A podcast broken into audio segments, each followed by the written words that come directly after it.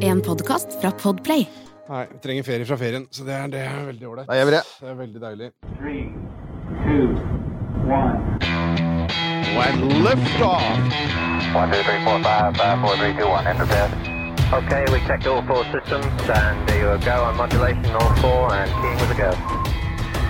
Quality base here. The Eagle has landed. Det sagt, eh, så kan vi eh, si bare hei. Vi er innom her fordi eh, Litt sånn utenom det oppsatte programmet, fordi det tvang seg fram, rett og slett. Hei, Eirik. Du ser overraskende lite brun ut. Jeg har stort sett tilbrakt tiden innendørs med å rette opp etter vannskadene, som jeg snakket i en tidligere sending, med heltekatten Ada, som gjorde vannskade mye mindre enn det det hadde behøvd å være, men som altså da Allikevel ble. krever, krever etterarbeid. Uh, for øvrig så Jeg tror jeg nevnte i den tidligere sendingen at et, et, et visst uh, norsk tabloidukeblad hadde lovet en flaske champagne for Ja. å hylle heltekatten. Jeg syns jeg så et bilde av den har ankommet. Ja, den har ankommet, og den er konsumert. Det det trengtes! Så det, de, ja, så det er, kan jeg si, når man har tilbrakt liksom nok uh, tid med sånn derre vannløselig maling på vegger, så trenger du champagne. Må ruse oss på noe annet. Uh, dette er da altså et lite sånn uh, nødvendig avspring fra det oppsatte sommerprogrammet, som vil fortsette som eh, vanlig etter dette her. Denne, vi, vi, vi slipper den, denne episoden, kan vi si. Den slipper vi omtrent nå. Ja. Akkurat idet det nesten Ja, gjøres. vi, vi, vi er så nær live som vi bare kommer med denne, tenker jeg. Ja. Fordi eh, vi måtte. Eh, det var på en måte ingen vei utenom. Eh, og så tvang det seg jo litt ekstra fram fordi eh, gjesten her i dag, uh, husvennen Kristoffer, ville veldig gjerne snakke om bildene fra James Webb. eh, Ikke sant, Kristoffer? For Ja, du, du teksta jo meg. Du må fortelle. Hva, hva, liksom, ja, hva var det som motiverte deg? det var så rart. eh, Det var altså, for det første jeg gleda meg så avsindig til dette. At Det er så mange som har gjort det! Ja, jeg var egentlig litt sånn i sjokk over hvor mye jeg hadde gleda meg. Men jeg må bare nesten fortelle om åssen jeg eh, opplevde bildene, for det var så rart. Eh, det var egentlig da jeg skjønte at det dette, dette er rart. Det var da jeg sendte melding til deg. Mm. Eller, eller litt seinere. jeg satt i eh, Jeg visste jo at det skulle være pressekonferanse Mm. halv fem eller noe sånt. Nå, Mm. vi skulle vise bildene. Og så var vi inne vi var i Oslo og besøkte en kompis Mm. her. Og så ble det du vet, det, det drøyde litt. Det, vi ble der litt lenger enn eh, Mm. planlagt. Så bare, å, nei, nei, nei. Og så satte vi oss i bilen hjem, og så bare sånn Ok, jeg rekker ikke hjem uh, før eh, dette begynner. Og så, og så så jeg at nei, nå har klokka passert halv og så, og klokka, Oi, nei, nei, nei, nei, nei. Så så kona mi som sa til meg, hun kjørte bilen, da. Mm. Vet du, da, du kan bare se på Jeg går på telefonen, liksom. Så jeg så det jo da i passasjersetet i bilen, eh, på telefonen. Og så kom jeg inn eh, rett før de viser den derre eh, De hadde liksom vist to bilder, tror jeg. Mhm. Eh, så jeg var på bilde tre, rett før visningen av det. Og så sitter jeg i bilen, da er det da Vi kjører på veien, og jeg har dårlig mobillyd, det er den lille skjermen, ikke sant? Med litt sånn fettete briller. Og når det første bildet, bildet som jeg så, da, Mm. av det nebulaen der, så lagde jeg Altså, jeg lagde en sånn lyd Jeg lagde en lyd i bilen. Og så kjente jeg at Så skjedde det kjemperart. Jeg fikk altså sånn behov for å gråte. Ja. Altså, som jeg og det var ikke fordi jeg var lei meg, selvfølgelig, Nei. men det var heller ikke fordi jeg var lykkelig. Altså, jeg var, altså, kroppen min bare sa til meg du må gjøre noe. Ja. Dette er det eneste jeg kan tilby deg akkurat nå. Er dette? La Kona mi spurte om det hadde skjedd noe. Det er så fint. Og da skjønte jeg at okay, dette her er jo helt Og så så jeg på Og så måtte jeg bare komme hjem og så måtte jeg se sendinga fra starten av. Uh, via VGTV. Det, det, vet du hva, det der høres ut som uh, sett sånne dokumentarer av folk som er på sånne vekkelsesmøter, Ja. uh, som er veldig religiøse, og føler at de da blir At Den hellige ånd kommer inn i dem. Ja. Det var litt sånn. Ja, men det Ja, men det, det, er ikke, det er ikke helt altså, En ting er at det er veldig mange som har hatt den samme erfaring som du har. Altså, det har kommet meldinger også fra mange av våre lyttere som er sånn. Jeg er så rørt! Ja, Og jeg syns det er så fint å høre, fordi jeg har, jeg skrev en artikkel om dette for mange år siden, om at for oss som ikke er spesielt religiøst anlagt, så fins det noen sånne nærmest religiøse opplevelser å ha. Mm. At du, du får en følelse av at du står, du står overfor noe stort, ikke sant? Noe som er mye større enn deg, og noe som, på ikke, noe, som ikke er skummelt eller sånt noe. Det er noe, sånn, noe stort og godt og overveldende, og du føler deg liten på en god måte. Ja. Og jeg har hatt den følelsen noen ganger. For eksempel, jeg husker jeg hadde det ved, ved ved Isak Newtons grav i, i Westminster Abbey i London. Og da står jeg der så tenker jeg ok, denne mannen forandret hele verdensbildet vårt. Og jeg, jeg, jeg, kjenner faktisk at jeg får frysninger på ryggen bare jeg snakker om det. Ja. Og første gang jeg, jeg så Galileo Galileis første teleskop, som er utstilt i Vitenskapsmuseum i, um, i, i Italia, i Bologna. Ja, det, her er det fysiske objektet. Ikke sant? Og det er den der følelsen av Vi står overfor its greatness, ikke sant? Og det er som amerikanerne sier sånn Og inspiring ærefrykt i nyhetene er vel det norske ordet. Og det er den følelsen jeg hadde når jeg så de samme bildene. Ja, og når du sendte meg Du sendte jo en SMS tilbake hvor du skrev at, eh, at det var mange som hadde hatt lignende opplevelse, Ja. og at du syntes det var litt interessant å snakke litt om hvorfor Hvorfor har det Hvorfor, hvorfor nå? Ja. Hvorfor så mange nå? Så tenkte jeg ja, det er, det er sant, da. For jeg Altså, jeg føler jeg Jeg er litt Altså, under dere, da, selvfølgelig, men jeg er jo over gjennomsnittet interessert i at dette skulle skje. Så jeg er jo jeg er mentalt godt forberedt inn i dette. Jeg vet jeg skal se kule ting. Men jeg ser det altså i en bil, i bevegelse, med, på en bitte liten skjerm. Altså det er, og det er jo, den TV-sendinga er jo så dårlig, og, altså, ikke sant? Og, men allikevel Jeg, jeg, har, jeg, har, jeg har en teori. Ja. Jeg har en teori på hvorfor. Fordi, ikke sant, akkurat som du sier, du var forberedt, du visste det skulle skje, mm. og så vet du også noe liksom, om rammene rundt her, hva det har på en måte kosta av blod, svette og tårer, og ikke minst eh, amerikanske skattebetalers penger for å bygge dette greiene, få det opp, hvor mange ting som kunne gått gærent, og så er det på plass, og så sett i, i bakteppet av at eh, man på en måte har en, en form for sånn realistisk holdning til dette her, at mennesker kanskje kan komme seg innenfor vår levetid til en annen planet. Uh, og, og hvor stort og voldsomt det er. Og når du da får se uh, jeg holdt på å si fysiske bevis på hvor forbanna liten og ubetydelig alle vi er i den store kosmiske sammenhengen, som du nå virkelig får se. Den store kosmiske sammenhengen. Og det er greit. Ok, vi er 11 milliarder år tilbake i tid. Du ser bilder av det. Det er klart Og nå kjente jeg det liksom litt sjøl, at det, det skjer noe da. ja, ja, Det gjør, det gjør det. Man blir jo tvunget til å tenke filosofisk. Ja, for- blir jo helt og det, Ikke sant? Du, du, du, Og og så er vi Vi lever jo i en tid som, for å si det mildt, er ganske trøblete. Mm. Med altså strømkrise, krig, eh, pandemi som fremdeles går, matkrise, global matkrise. Det er så mye tunge, vonde, vanskelige nyheter. Og innmari mange er dessuten stuck. Det, altså, Ja. nyhetene Altså, vi er jo her alle tre i Norge nå, og, og altså, jeg skal ingen steder i sommer, og det er veldig store deler av Europas befolkning som faktisk ikke skal noen steder. Så det er liksom den følelsen også der med at jeg tror det er et behov for det også. Og, og, der kommer vi tilbake til litt religiøse igjen. Vi vet at i krisetider så søker altså religiøse eksempel til Gud. Mm. Fine, dem om det. Og så er det noen av oss som da søker til disse store opplevelsene igjen, som plasserer oss i universet og minner oss om at det finnes noe sånn stort og, og mektig, og egentlig bunn og grunn ganske godt der ute, som tot er totalt likegyldig til alt vi gjør. Ikke sant? Men jeg synes det er litt interessant akkurat det med religion nå. Fordi jeg var jo selvfølgelig masse på Twitter og ser og hva folk skriver og sånn. Og det som er kult, litt sånn rart her, Hmm. er at eh, Og det ble jeg egentlig litt sånn glad, for det er veldig mange kristne og, og, og muslimer som hiver seg på her og Mm. kommenterer. Og sier ja, dette, dette er bevis på at Gud fins. Mhm. Og tar det som et bevis for seg. Og det er helt greit for meg. Ja, det, er helt greit. det får de bare tro. Ja, for det, det, ja, for da tenker jeg Vi er i hvert fall Og det er, for det er, jeg ble nesten litt glad av det. For det betyr, vet du hva, dere tror på bildet. Ja. For det var sånn, vet du hva, alle det, Jeg har ikke sett, jeg har sett veldig få som sier å, 'bra Photoshop', noen sånne troll er det, men det er så åpenbart troll. For- Men her er liksom både Ja, altså De ene vitenskapsfolk, men Ja. også veldig dypt religiøse. Alle er bare Fy fader, dette er Om du syns det er imponerende fordi Gud skapte det, eller om du syns det er imponerende fordi vi har klart å se det, det er det samme for meg. Alle er imponert. Det er litt sånn samlende over til, til Det er over det. tro, altså. Altså, en av dem jeg følger på Twitter, er en fyr som heter Guy Consolmagno. Og han er altså da han er astronom ved Vatikanosatoriet, for Vatikanet har sitt eget observatorium utenfor Roma. Og han er jo da jesuitt, så han er da sånn eh, broder, broder Guy. Og han er amerikaner opprinnelig og tok utdannelse i astronomi, og så ble han altså da faktisk uh, jesuitter, prest, munk slash Jeg vet da søren.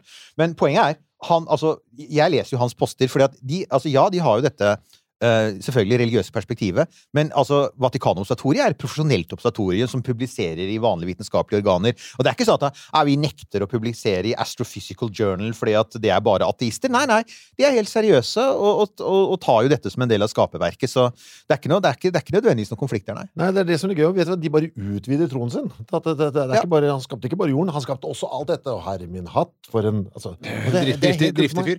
Ja, så en sånn liten ting til dere som hører på. Ja, vi har tenkt å snakke oss gjennom bildene også. Vi kommer straks til det! Men vi måtte bare liksom sånn ta den overveldende følelsen som brakte oss inn i dette rommet i dag. Mm. Midt i en sånn eh, varm Oslo-sommerettermiddag. Det blir mye varmere i morgen og i overmorgen når hetebølgen kommer, men, men i hvert fall på en sånn fin, stille, rolig ettermiddag så sitter vi nå her, da, tre voksne karer, og skal prate om verdensrommet. Og det var jo denne følelsen her som brakte oss hit, fordi det slippes jo bilder av verdensrommet hele tiden. Og vi får minne om at fantastiske Hubble-teleskopet fortsetter å ta fantastiske bilder. Men det er noe eget med dette som gjør altså at Joe Biden slipper det første bildet. Det har vært live på, uh, på Times Square i New York. Det har vært Norske aviser har skrevet lederartikler om astrofysikk for første gang i sin historie. Så det, det er en big deal. Og vi ser på le altså, Vi må ta noen sånn lytterreaksjoner her før vi kommer i gang. Ja, men du, bare før Ja. vi vi må, Ja. vi må snakke litt mer om følelser her nå. Vi er tre menn samlet i et lite rom. Da må vi snakke om følelser. Og det er ikke alkohol involvert. Det er veldig sjokkerende, egentlig. Jeg tok med en Dr. Pepper. Jeg, Ja, ja, at kaffe. jeg fant det mest amerikanske jeg kunne finne. Å, her har vi Han er det nærmeste. Ja, jeg har noe sånn Monster, eh, Monster, ja, der er Juice. eh, Det er er for veldig amerikansk, eh, vil jeg anta. En følelse, hva tenkte du på? Jo, nei, for, fordi, nei, fordi uh, vi har jo uh, en astrofysiker her Mm. som har uh, levd et stadig lengre liv. eh, Det var pent sagt. Har, en utdannelse Ja. og har eh, sett eh, masse bilder eh, Mm. profesjonelt fra verdensrommet, fra Hubble Telescope eh, og andre, og som på en måte vet hva dette her betyr. Ja. Eh, på en annen måte enn det vi gjør, Ja, som bare er er sånn hobbyinteressenter. Så eh, din følelse, Eirik, når du ser dette her som revolusjonerer ditt fagfelt så intenst Ja, jeg, altså, for, for det første, jeg var akkurat som deg, så var jeg rørt. Ja. Men det, jeg blir faktisk det av veldig sånn god vitenskap. Uh, jeg så nettopp en video om hvordan de prøver å finne de aller første livsformene på jorda. Eh, og alt den, all den jobben de gjør for å analysere steiner fra fire milliarder år siden for å skille mellom sånn kjemiske spor og, og biologiske spor. Og jeg, da blir jeg faktisk ikke bare imponert, men jeg blir også rørt. Så jeg, jeg kjenner, faktisk, eh, kjenner faktisk på det. Men, den, det, men det, det er jo liksom sånn kryssa med at det er helt jeg, jeg er hjertens enig i alle astronomene som har vært ute og sagt som eh, Apple pleier å si i sine reklamer 'This changes everything'. Det er ikke til å bli i tvil om. Dette er en game changer. Allerede de bildene vi har, når vi begynner å prate oss gjennom det, så tror jeg vi vil få fram det. Allerede de bildene vi har, viser hva dette teleskopet er i stand til. Uh, og at vi kommer til å få masse resultater i årene framover. Som, eh, altså En ting er alt, alt vi allerede vet, som blir bedre. Altså, Vi kommer til å vite mer om tidlige galakser og eksoplaneter og sånne ting. Men så er det jo, som alltid med sånne instrumenter, så er det det vi ikke visste at vi ville oppdage. ikke sant? Mm. Så det er jo det, er det jeg faktisk ser mest fram til. Det er sånn Å, nå oppdaget, nå fant vi noe i signalene fra, fra web som var sånn dette, dette hadde vi aldri venta oss. Det er det jeg gleder meg mest til, for jeg vet det kommer. Og igjen, da får jeg den derre ståpels på ryggen. Ja. Jeg, får, jeg fikk jo også sånn der For I etterkant av disse bildene fra web, da, så har det jo poppa opp ganske mange bilder fra Hubble igjen, på nytt. Og så er jeg bare sånn Hæ?! Det bildet, altså, nå skjønner jeg hvor lite jeg har fulgt med. Men, Men, men, liksom, ja. det, der, er- det kan jeg ikke huske å ha sett. Det er jo helt sjukt. Og det er bilder fra Hubble. Ja, men det er, altså, Hubble har holdt på så lenge, vet du. Det er Ja. derfor. For jeg, jeg, det er mange av dem jeg heller ikke har sett. Jeg, Men det er ikke så rart, egentlig, for Hubble har jo vært i full drift nå i 30 år. Og det pumper ut bilder. Det er jo der oppe i bane. Det er jo ikke, er jo ikke natt eller dag der. Altså, så lenge det er, du er liksom, så lenge du peker bort fra sola, så tar de jo bilder hele tiden. Så det bare fortsetter å pumpe ut bilder, og, og kvaliteten er fremdeles helt ypperlig. Eh, Det er blitt en viss degradering av systemene over tid, men, men veldig lite. Og jeg, så, så jeg ble også sånn, tenkte jeg, å ja, de har tatt bilde av det òg, ja. Ja, du, det må jeg også si, som jeg tror også gjorde det så veldig for meg, for det var så bra innsalg, det der med det aller, aller første bildet eh, som du slapp. Ja, test, Testbildet? Ja, det, hvor du ser alle galaksene her og sånn. Og ja, det Å, første, det skal, vi skal åpne med Ja. det når vi kommer dit. For, det, for det, den kommentaren, altså den der Hold et sandkorn mellom fingrene, hold det på en armlengdes Ja. avstand opp mot himmelen. Altså, jeg, selvfølgelig, jeg gjorde jo det, jeg. Altså, Ute på grusen fant det minste sandkornet jeg kunne, holdt opp mot himmelen, og så bare sånn OK. Nei, dette Altså, det ble så håndfast, da. Mm. Og så flytta liksom Oi, altså, hvor mange sandkorn? Altså, det, det ble så veldig angripelig, og jeg tvang andre folk som ikke er så interesserte, til å gjøre det samme. Og, og, og, det var, og der er det også gøy å se reaksjoner på de som ikke er interessert. Bare sånn, nei, vet du, Dette er for mye for meg. Dette orker jeg ikke. Du ble sånn stressa av det. Sånn. Ja, men det, det ligger jo i den der, hele den der følelsesbassenget som, eh, som vi driver og plasker i nå. Ja. Så ligger, det er jo noe der også som er ganske sånn Ja, for det ble så eh, tydelig. Det ble så ja. hands on for meg. Så jeg bare følte Ja. at shit, nå forstår jeg det. Hvor lite Oi, jeg klarer det nesten ikke. Og den derre Ja. Nei, det var, det, Det var er- deilig. Ja, jeg husker altså Det var en av de tingene som jeg tror faktisk gjorde at jeg ble tok en astronomi, astronomiutdannelse. Det var en sånn opplevelse jeg hadde som barn. Jeg vokste opp uh, ute på Rykken i Bærum. og der, Det var ikke så bebygd rundt der da jeg vokste opp, så det var fremdeles mørke plasser du kunne stå. Og Jeg husker å stå mellom trærne i skogen en vinternatt og så se opp og så se Melkeveien over meg. Og så skjer det noe rart oppi hjernen min. og det er at for at Vanligvis så ser du Melkeveien som et sånt blekt bånd fra et mørkt sted. Dessverre er det ikke så mange mørke steder igjen i Norge, men hvis du er på et mørkt sted, så ser du det. Uh, og da ser du det som et blekt bånd over deg. Og så plutselig så bare var det som det ble skrudd på en bryter i hjernen min som fikk meg til å innse at den bleke midtdelen er langt unna, mens de stjernene jeg ser, er nær. Og så fikk jeg en 3D-bilde av å være i utkanten av en roterende galakse og se inn i en sånn tredimensjonal? Inn i en galaksearm, inn mot et Og så tenkte jeg Damn! Og jeg ble svimmel, så jeg måtte faktisk holde meg fast i et tre, for det var sånn det var liksom sånn, Jeg kunne plutselig skjønne Jeg, jeg fikk en sånn derre ikke en hjernefølelse, men en magefølelse av å stå på en liten spinnende snugg av en stein i en liten, rundt en liten stjerne i utkanten av en galakse, og du bare ser alt, og jeg bare oh! Og etter det så blir jeg astronom. Så ja. Nei, det var sjukt. Så det er ytterst selv, er, og det kan jeg si at når du snakker med astronomer Sorry, jeg var, ikke meningen å avbryte, men jeg bare sier det for jeg glemmer det. Når du snakker med astronomer, er det veldig ofte sånne emosjonelle ting. Det er, altså det er ikke, altså for å si sånn, astronomi er ikke Astronomi er ikke et fag du velger for å bli rik og berømt og tjene altså? Det er ikke det. Du velger det av person. Mm. Så alle astronomer har en eller annen sånn opplevelse som også er sånn dypt emosjonell, som gjør at de trekkes til et veldig sært lite studium. Jeg følte også, jeg fikk også en følelse av at dette kan hende er siste gang jeg får en så stor opplevelse i livet. Fikk jeg faktisk en følelse av. Altså, som er så stor Ja. på denne måten, da. Ja. Altså, kommer til å oppleve sorger og mm, folk som faller fra og alle disse tingene. Men en sånn stor sånn Kommer, jeg, kommer det til å skje igjen?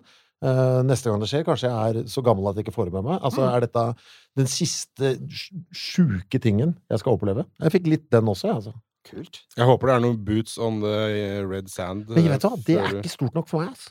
Eh, altså, altså, det, blir kult, jeg- det blir kult å se på den livesendinga, fordi det er, det er kjempebra oppløsning nå. Det kommer, det kommer til å være litt sånn rått, men jeg er allerede litt skuffa over planeten. altså, skjønner du hva jeg mener? Altså, mm, Jeg er- skjønner, skjønner veldig godt hva du mener. Du, kan ikke, du kommer ikke til å finne Skal jeg, Altså, jeg skal, ja. vi skal, når vi snakker oss litt nedover her, så kommer vi til dette med eksoplaneter. Ja, Skal jeg komme med en spådom, så er det hvis web eh, leverer på å fange opp fra en jordlignende planet rundt en sollignende stjerne et stykke unna, og fanger opp oksygen i atmosfæren til den, og kanskje til og med de første vage hintene av klorofyll, da tror jeg du får den samme følelsen. Altså, det høres innmari abstrakt ut, Ja. men da er det sånn å, å, å, vi har ikke fått et radiosignal fra verdensrommet, men vi sitter faktisk og ser på noe som kryper rundt på overflaten uten at vi kan Vet du hva som skjedde nå, Eirik? Ja. Du vet den der, du, Noen ganger når du får en, den der rare følelsen som, som skyter fra liksom, nakken og ned til uh, akkurat inn i mell, mellomkjøttet der, Mm. den fikk jeg nå når du sa det. Mm. Det Ja, det er- Så, jeg, jeg, så det, det jeg håper på, er jo at web kommer til å levere mer av det der til deg, Chris. Jeg, jeg, Ja, ja, jeg, jeg, jeg tror det. Jeg, jeg, har, jeg har troa, jeg også, men jeg bare fikk den følelsen av Tenk om! om Og så bare Ja. dette, dette må jeg nyte! Dette er så stort! Så jeg så jo den dumme livesendinga to Svensk, ganger. svenskene har et uttrykk som er hisnende. Den der følelsen av sånn derre uh, Ikke sant? Ja, nemlig. Det hisnende. Ja, det er sånn der Det er nesten som å puste iskald luft om vinteren. Vet du, sånn der, det er sånn forfriskende. Jeg skal innrømme, grunnen til at jeg, jeg har lyst til å være her i dag, er fordi jeg har ikke fått, noe, jeg har ikke fått denne backupen eh, på de, mine egne følelser. Så jeg, jeg ville sitte i et rom med to andre som Ja, ja, ja, ja. syntes det var fett. Og massevis. Det er jo tusener av folk der ute som eh, jeg sendte meldinger til folk som Hva er det du snakker om? Nei, bildene! Bi- oh, ja, det har stemmer det! Ja, den saken har jeg ikke trykka meg inn på. Hva er det du driver med?! Altså, ja, så det vi Dette her er den store Kristoffer Schau kosmisk nihilismebekreftelssepisoden. Ja. uh, vi har altså da, som sagt vi, vi, vi igjen, Ja. Våre lyttere responderte en masse, og det bare bekrefter nummer én. Det er innmari mange som er hjemme. og så følger med på Facebook. Og det andre er veldig mange tenker som oss. Mm. Så Nils Johan, Ja, uh, la oss begynne her først. Daniel. Ja! Jeg håpet at det skulle bli en Chris-episode om web. så der var det. Vi var spot on. Sant? Iselin øh, vil bare si at nesten uansett hva dere snakker om, så gleder jeg meg allerede. Og Iselin, vi har allerede begynt å levere på det, for at vi, er, vi, vi har ennå ikke begynt å snakke astronomi. Så dette, Iselin, er hva vi kategoriserer som uansett. Så jeg håper du liker det. Eh, og så uh, Ja, du, vi må ta en litt sånn Dette er et litt sånn sårt punkt. Ja. Vi, har, vi har hatt litt frem og tilbake med Nils Johans synging. Vi elsker det. Uh, Det er, det er opptil minst to der ute som ikke gjør det. Ja, det. nei, altså Jo, altså, det er jo Amund, da, som sier det at det hadde jo vært fint å høre Nils Johan synge 'Across the Universe'. Uh, umiddelbart så må jeg bare si det at uh, jeg, er ikke, jeg er liksom ikke så dypt uh, engasjert i Beatles-katalogen til at jeg kan den låta. Eh, og det til glede for Jon, som uh, mener at med tanke på at jeg gjerne hører på dere på headset, så ser jeg veldig gjerne at Nils Johan avstår fra den trallen. No offense. Offense taken, Jon! Her er jo greia! Vi har jo da, Det var for øvrig en eirikisme. Vi har jo hatt en lang diskusjon også om at jeg har massevis av sånne standardfraser. Jeg vet ikke om du har dem òg. Å, det er garantert. Eh, ikke sant? Og det var, det var, eh, altså jeg ser jo på det som en sånn eh, jeg ser på, altså Man har oppnådd noe i livet når man har vært så mye på podkast at folk har liksom katalogisert alle tingene de gjentar. Det er sånn «Woohoo! Se der, mamma! Jeg ble til noe! Men, Men eh, saken er den at Ja, saken er nemlig. Poenget her. Poeng her. Uh, ok. det, er- det, det var et innmari godt poeng. Ja. Skal vi ta her nå da Kim André? Ja. Som, da, for nå må vi inn i purra. Vi må snakke litt grann om instrument, for at det er én ting folk har vært opptatt av. Du kan Ja. ta det, du, Nils Jan. Kim André, eh, jeg synes sammenligningene er litt dårlig gjort overfor Hubble, siden Hubble observerer på det synlige og UV-spekteret av lys, mens James Webb, eh, James Webb observerer på det infrarøde spekteret. Og så er det jo litt forskjeller på speil. Og hvor i verdensrommet teleskopen befinner seg, går det kanskje an å si noe om dette? Og vi, apropos sånne ledende spørsmål. Kim André har lest. Ja, Det er veldig bra, Kim André. Dette er, du er godt pålest, for det er helt riktig. Altså, For det første er web mye større. Og lenger ut. Ikke sant? Det er sju ganger større speilflate, så du kan samle sju ganger mer lys. Eh, det betyr også at du har større vinkeloppløsning, for at jo større speil, desto mindre ting kan du se. Eh, og, og så er det jo det som han er inne på. altså eh, Web ser mot infrarødt. Og det gir oss helt ny informasjon, så det er også litt uh, urettferdig. Og så er det den teknologiske utviklingen, selvfølgelig. Altså, uh, romprosjekter tar lang tid. Så vi, de har jobbet med web i 25 år. Men mye av, av, mye av liksom sensorene og datalagringen og kommunikasjonsutstyr og sånn, mye av det er jo faktisk fra de siste sånn 10-15 årene. Og da sammenligner vi teknologi fra rundt 2010 med teknologi fra rundt 1980 i Hubbles tilfelle. Så selvsagt er det òg. Og så er det, som man sier, dette her med hvor web befinner seg. Det befinner seg halvannen million kilometer bak månen. Det ligger bak et solskjold. Det er alltid natt. Mens Hubble det må vi ikke glemme, Hubble går i bane rundt jorda. Mm. Og det vil si at den, hvert 90. minutt så må den hele tiden forholde seg til Sola går opp og ned. Den må hele tiden snu seg fordi at den går så fort. Eh, og det gjør at den er ineffektiv. Så, så Hubble mister masse tid den på å flytte seg og på å ta hensyn til sola. Mens web kan liksom bare sånn sitte bak der i sin minus 270 grader og kose seg, og det er alltid mørkt, og det er helt beskyttet. Det er ikke helt Men beskyttet, det kommer vi tilbake til. Webb, stakkar, kan jo ikke få hjelp om noe går gærent. Som Nemlig! Hubble- Som Hubble kan. Det er nettopp det. Så der har du da Der har du liksom Eller Hubble kunne, Hubble Der har du kunne, fordel da. Hubble. Kunne, jeg, Vi, vi snakket med han som gjorde den siste reparasjonen, Ja. og så nesten ødela Hubble. Gjorde det? Ja, ok, nå skal jeg høre tilbake den senere. Det var Mike. Massimino. Er et morsomt intervju. Han drev og re prøvde å måtte rive av det var noen noen skruer. skruer og noen greier der. Ja. Jeg skal gå tilbake. Og så er det dette her en ting til, da. Og det er jo også som går på sånn dette med at bildene er Altså, de er bildebehandlet. Eh, og det er helt sant. Altså, fordi at dette er IR-data, og eh, det vil si altså at mye av lyset som web fanger opp, er jo lys som ikke kan ses med, med menneskelige øyne. Og altså, slanger kan se det. Jeg er ikke slange. så Jeg vet ikke, jeg skal bare snakke for meg sjæl, men jeg kan altså ikke se IR. Og, og derfor så trenger vi jo en måte å og, og flytte det, det usynlige lyset inn i det synlige, og da forandrer man rett og slett bare liksom på, på fargekoden, sånn at usynlig lys blir synlig, og det har man gjort hele tiden. Og det er enkelte som har reagert på det, de sier ja, men det er jo behandlet, og var, eh, noen sier ja, men dette er jo liksom retusjering. Det er det ikke. Sant? Retusjering det er å eksempel gjøre livet smalere på en influenser. Da tar du vekk piksler, og så legger du vekk piksler litt høyere oppe. Legger du på. Eh, her er det ingen piksler som er lagt til eller trukket fra. Alle dataene er der jo. Man har liksom bare forandret på fargen på dem, sånn at vi kan se dem. Så det er viktig å huske, altså. Og så er det selvfølgelig også sånn alle dataene er nå faktisk lagt ut, rådataene. Så hvis du tror at man jukser, så kan du faktisk gå og laste ned rådataene, og så kan du se dem sjæl. Oh, Så kan du se, og det er jo en av de Eller da ikke se dem sjæl. Eller ikke se dem. Ja, eller Ja. ikke se dem. og da vil du oppdage at mange av disse dataene er i et format som er litt sånn vanskelig å lese, for det er for forskere, men, eh, men deal with it, eller stol på oss. Så det er nå hva det er. Og så er det én siste ting, og det er, det er det mange som har lurt på, og det er disse her strålene som stikker ut fra Det har du sikkert sett Mm. for det stikker ut fra stjernene. Altså, det er jo ikke noe Når du ser stråler fra stjerner på jorda, så er det jo av atmosfæren. Da, da liksom, Lyset spres ut, og det blinker og stråler. Det er jo ikke noe atmosfære der. Så de åtte taggene som du ser fra, fra, som stikker ut fra objekter som fotograferes av web, det er altså da skyldes at det er sekskantede speilsegmenter, så lyset følger de sporene. Og så er det to stag. Det er to stag som også holder sekundærspeilet. Så det er til sammen Hubble har fire stag som holder sekundærspeilet, så derfor er det fire. Så hvis du skal skille mellom et Hubble-bilde og et web-bilde, her er sånn pro tip, er det fire sånne tagger som stikker ut, så er det Hubble. Er det åtte som stikker ut, så er det web. Ah, Mm. Og så er det én liten sånn astronomting til, og det er selvfølgelig at på de sterke stjernene, når det stikker sånne stråler ut, så er det egentlig et problem, for at de strålene dekker jo til data.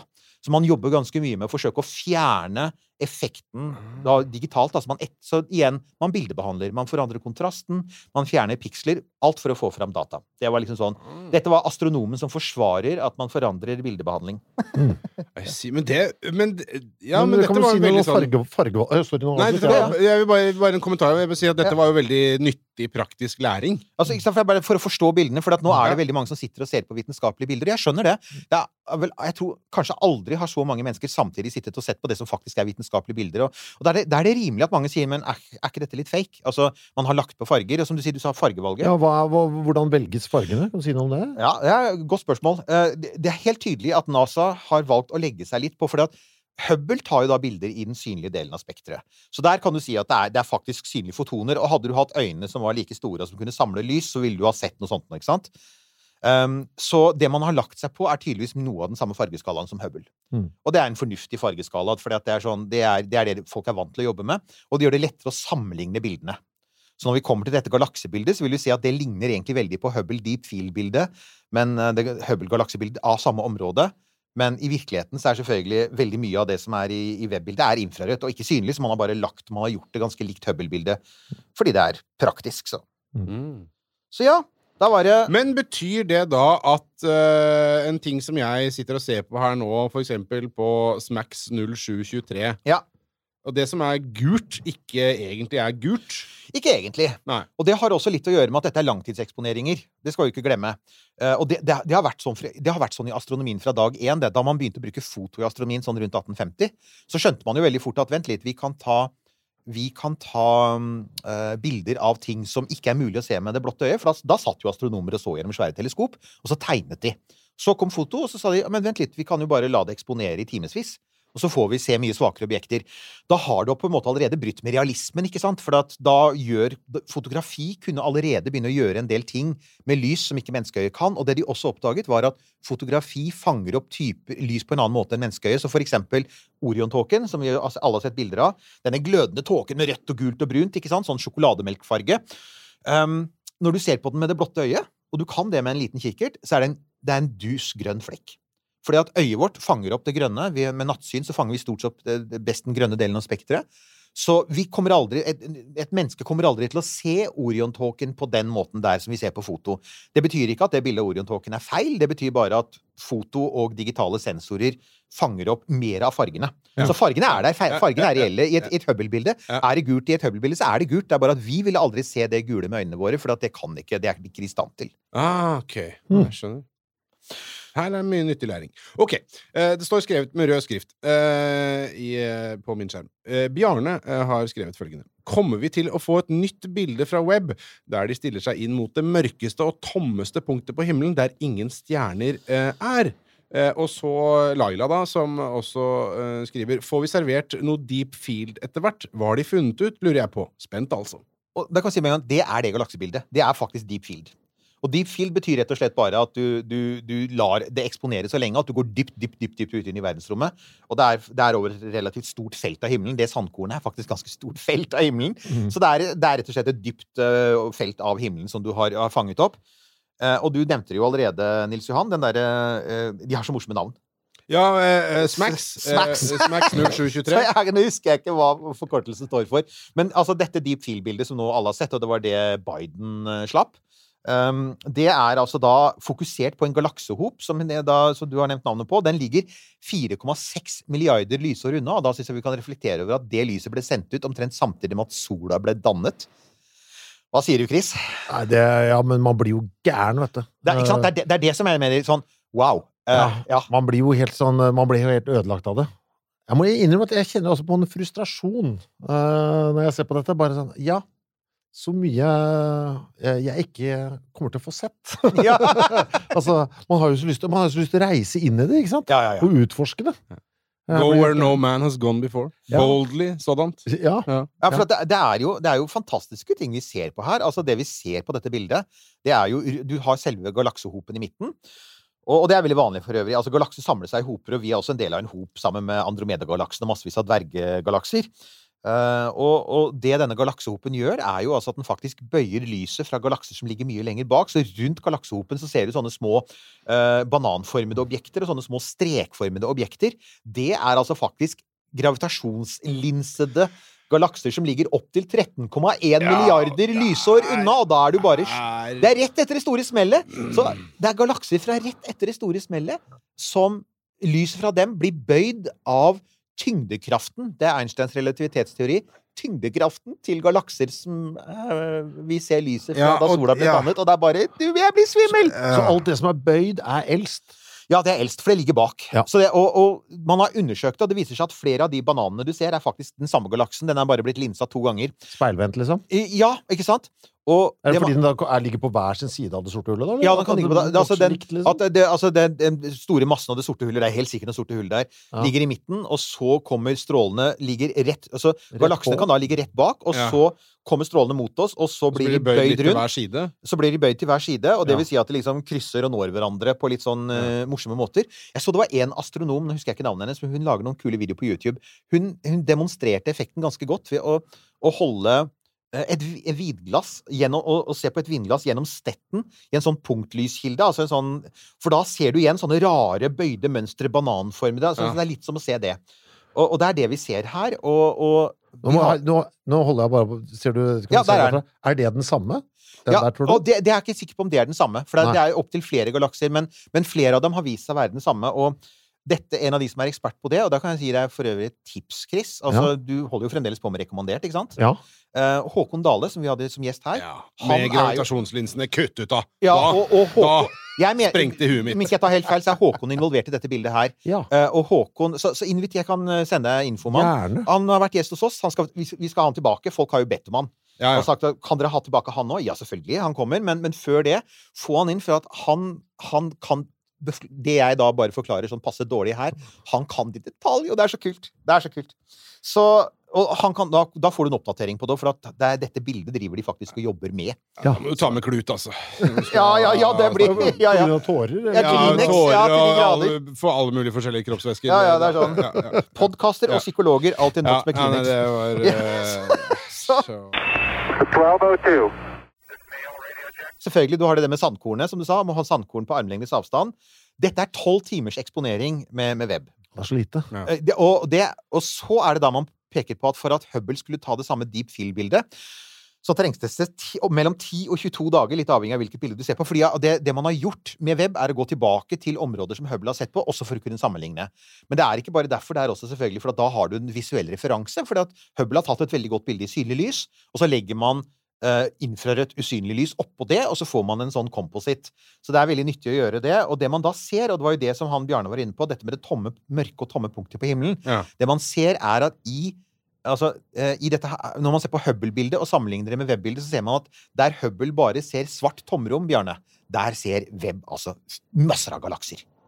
Og det er sånn uh, Ja eh, Det er et sånt sitat fra min yndlingsfilm 2001, En romodyssé, som er My God, it's full of stars. Full of My stars. God, it's full of galaxies. Og det er, så ja, den derre følelsen av at uansett hvor langt ut du ser, og bare du lar kameraet stå oppe lenge nok, så, så, så dukker opp en galakse. Det ser jo sånn ut, da. Så eh, ja. Han ble svimmel igjen et lite øyeblikk. Ja, ja, ja, ja, ja, Jeg begynte å tenke på det, eh, og ble Og, og, og det jeg også ser her, da, og det som altså, forskerne er veldig fornøyd med, er at fordi Altså, vi, den, det, det er sånne ting som alltid er greit å sånn å, å gjenta dette her med at jo lenger unna de er, galaksene, jo lengre tid har lyset brukt fram til oss, men også jo fortere beveger det seg bort fra oss. Ja. Og jo når galakser beveger seg bort fra oss, så blir lyset deres, forskjøvet mot rødt. Og en god del av lyset blir faktisk forskjøvet over i infrarødt. Så det er en annen effekt som vi får med web. Det er den der med at vi ser galakser som Hubble ikke kunne se, rett og slett fordi at de er allerede over i det infrarøde.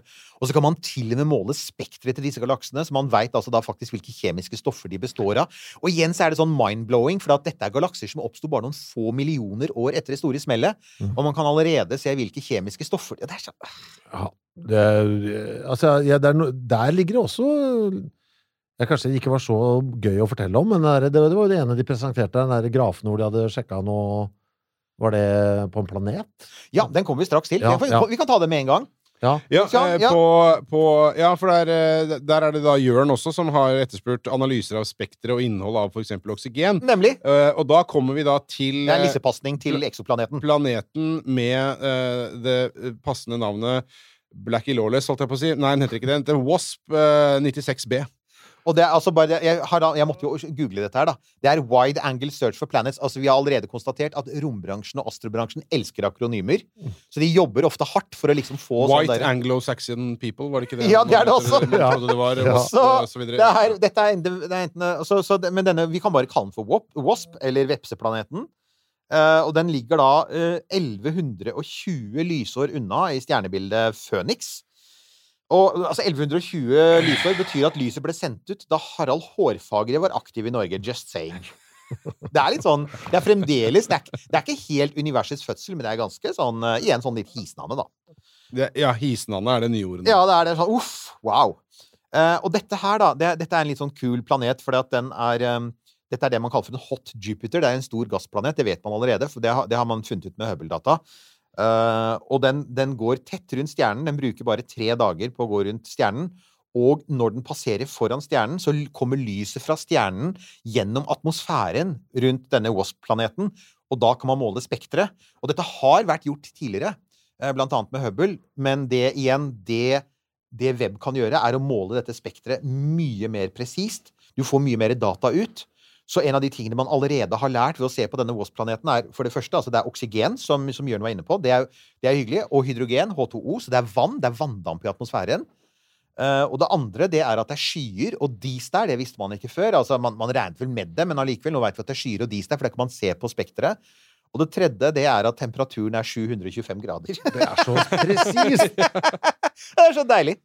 Det var så nydelig. Det er, så, så det er, eh, Men, men kan, kan, kan jeg bare da eh, spørre hvor eh, denne Wasp 96B og det man eh, ser på denne grafen som vi stirrer på her nå, Mm. hvor eh, fascinerende er det for eh, en fagperson? Altså, Jeg synes det, er, altså det de har gjort, er at de har gjort et ganske igjen, de har gjort et smart valg. De, har gått til, de går tilbake i, i Hubbles fotspor. De tar en planet som det er relativt lett å måle på, for det er en ganske stor planet, og det er en ganske sånn klart lysende stjerne. Det den, fakt, det den viser, da, det er at den er i stand til å måle eh, vanndamp i planetatmosfæren med, med så mye høyere presisjon at dette ligger an til at man nå kan begynne å gå på de mindre planetene. For det er, mens det er morsomt med hot Jupiters, som er altså er en sær klasse med planeter som vi faktisk ikke har i vårt solsystem. Vår, vår Jupiter er langt ute og egentlig ganske kald. Men i noen solsystemer så har du Jupiter-lignende planeter tett innpå stjerna. Det er jo eksotisk nok. Men det er klart, det vi er mest interessert i, det er jo de jordlignende planetene i passelig avstand fra en sollignende stjerne. Problemet da er at de er vanskeligere å finne. For dette handler jo også om at planeten skal gå foran stjerna, sånn at du skal, du skal kunne måle lyset gjennom atmosfæren. Sånn?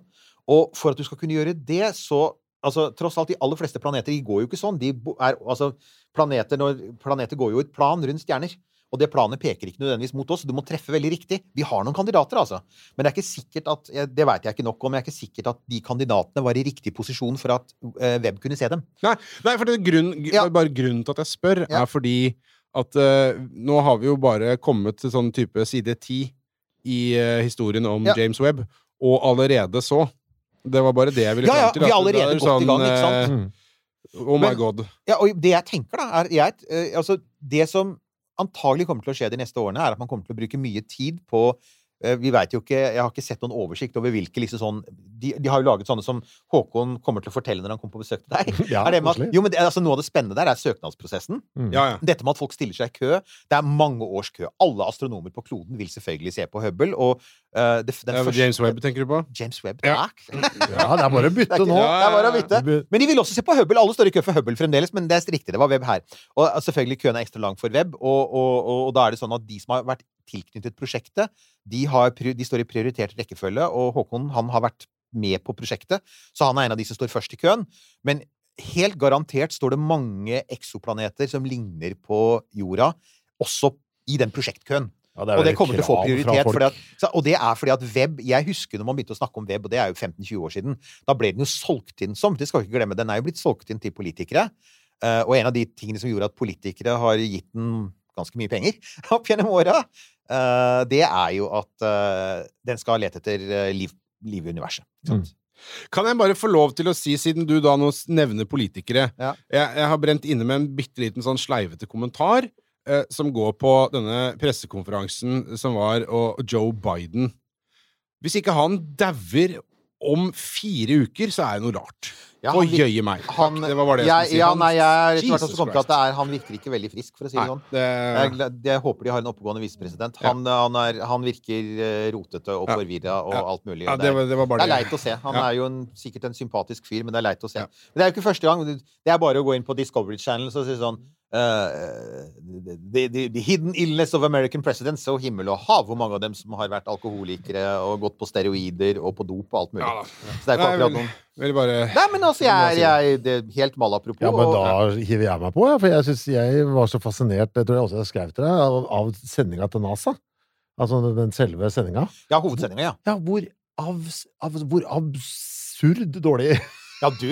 altså, det, lyden kom og gikk, og det, de så ikke i kamera. Altså, og det var altså overganger som var så dårlige at det, altså, TV-teknisk så er det kanskje det var, noe, altså, det var som å se Oslo nær-TV i 1984.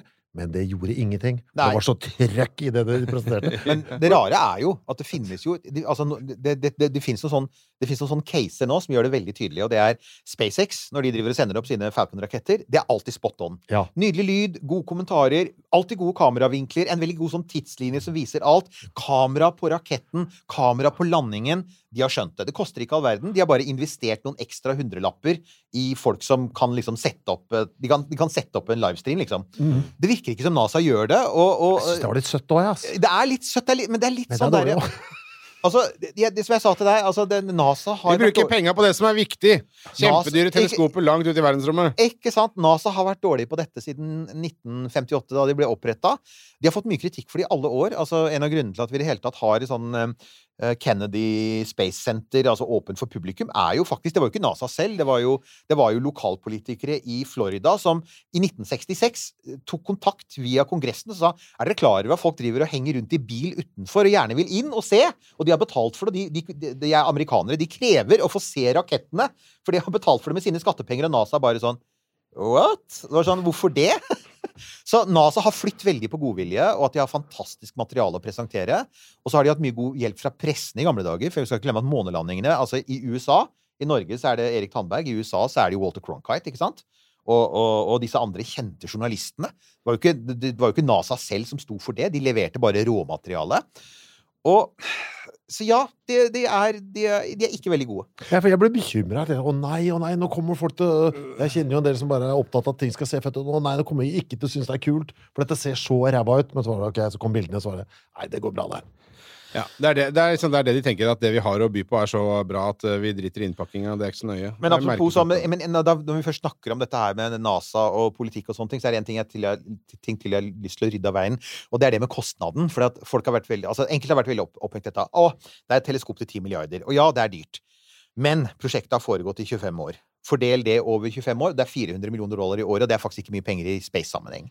Så det veldig mange peker på, er at ja, det ble dyrt til slutt, delvis pga. forsinkelsene, men først og fremst fordi det var, så, det var så massivt stort, og alt er håndlaget, og alt er kjempe Og alt skal ha liksom multiple redundans og sånn. Og, og så er det masse, masse, masse, masse mennesker som har vært involvert i det, inkludert folk som Håkon Dahl og sånn. Altså, det har vært folk som har jobbet med dette i årevis, og som skal ha lønn og alt dette. Så et, et romprosjekt som koster 400 millioner dollar i året, er ikke spesielt dyrt. Altså, romstasjonen koster jo noe sånt som fire ganger det i året, altså halvannen milliard dollar. Og spør du Chris Gau, så har eh, det allerede blitt eh, servert valuta for penga. Ja! Ja, ja, ja, det er dette penga skal gå til. Ja. Altså hvis ikke, ikke krigføring, histen og pesten. Og Helt enig. Enig i det, altså. Ja, ja. Enig i det. Da eh, tenker jeg vi drar fra budsjettkonferansen. eh, Og Bidens syv- helse. Og Bidens helse. hei, alle Maga-fans, forresten. Ja. Du kan legge inn kommentarer. Go for it. Eh, 7000 lysår eh, av gårde Ja. eh, skal vi reise nå, til Karinas hus. Eh, og jeg må si at sånn rent estetisk så syns jeg dette er noe av det vakreste. Ja, Og du ser, tvil. vi har jo en av lytterne våre, Jens Martin, han har jo en liten kommentar til det. Uh, ja. Ja. Jeg, ja, jeg lurer på hva den sjokolademelklignende massen er, jeg. Hilsen en relativ noob. Er det den du skal på nå? Ja, ja Mhm. det er eh, E- Karina, Karina eller. ETA Karina-tåken. Her viser jo Altså, NASA er dårlige til å presentere ting, men, men valget av bilder har vært ganske smart. Fordi at de har både med universets begynnelse og de har med stjerners fødsel. Dette er en fødestue for stjerner. Og seinere kommer de til at de også har med en død stjerne. Så de er liksom sånn fødsel, liv, død, eksoplaneter, galakser, svarte hull. Jeg mener what's not to like. Så det er liksom det er, NASA har helt klart gått for greatest hits her. Det er Og, og Karina Det er er, det er veldig, veldig vakkert. Kan vi bare si litt om det? Altså, ETA, den kalles for Karina-tåken, eller ETA Karina. Eh, og det er um, eh, Den ligger da i stjernebildet Carina, som er, ligger, ikke er synlig fra Norge. Ligger veldig langt sør på den sydlige stjernehimmel. Eh, det er, Carina er det latinske navnet for kjølen. Det er en del av et veldig stort, en samling av stjernebilder. Så du har et annet som heter, en annen del av dette stjernebildet heter Vela, som er seilet. Et tredje heter Puppis, og det er ikke sånn som burde få oss banna fra Spotify.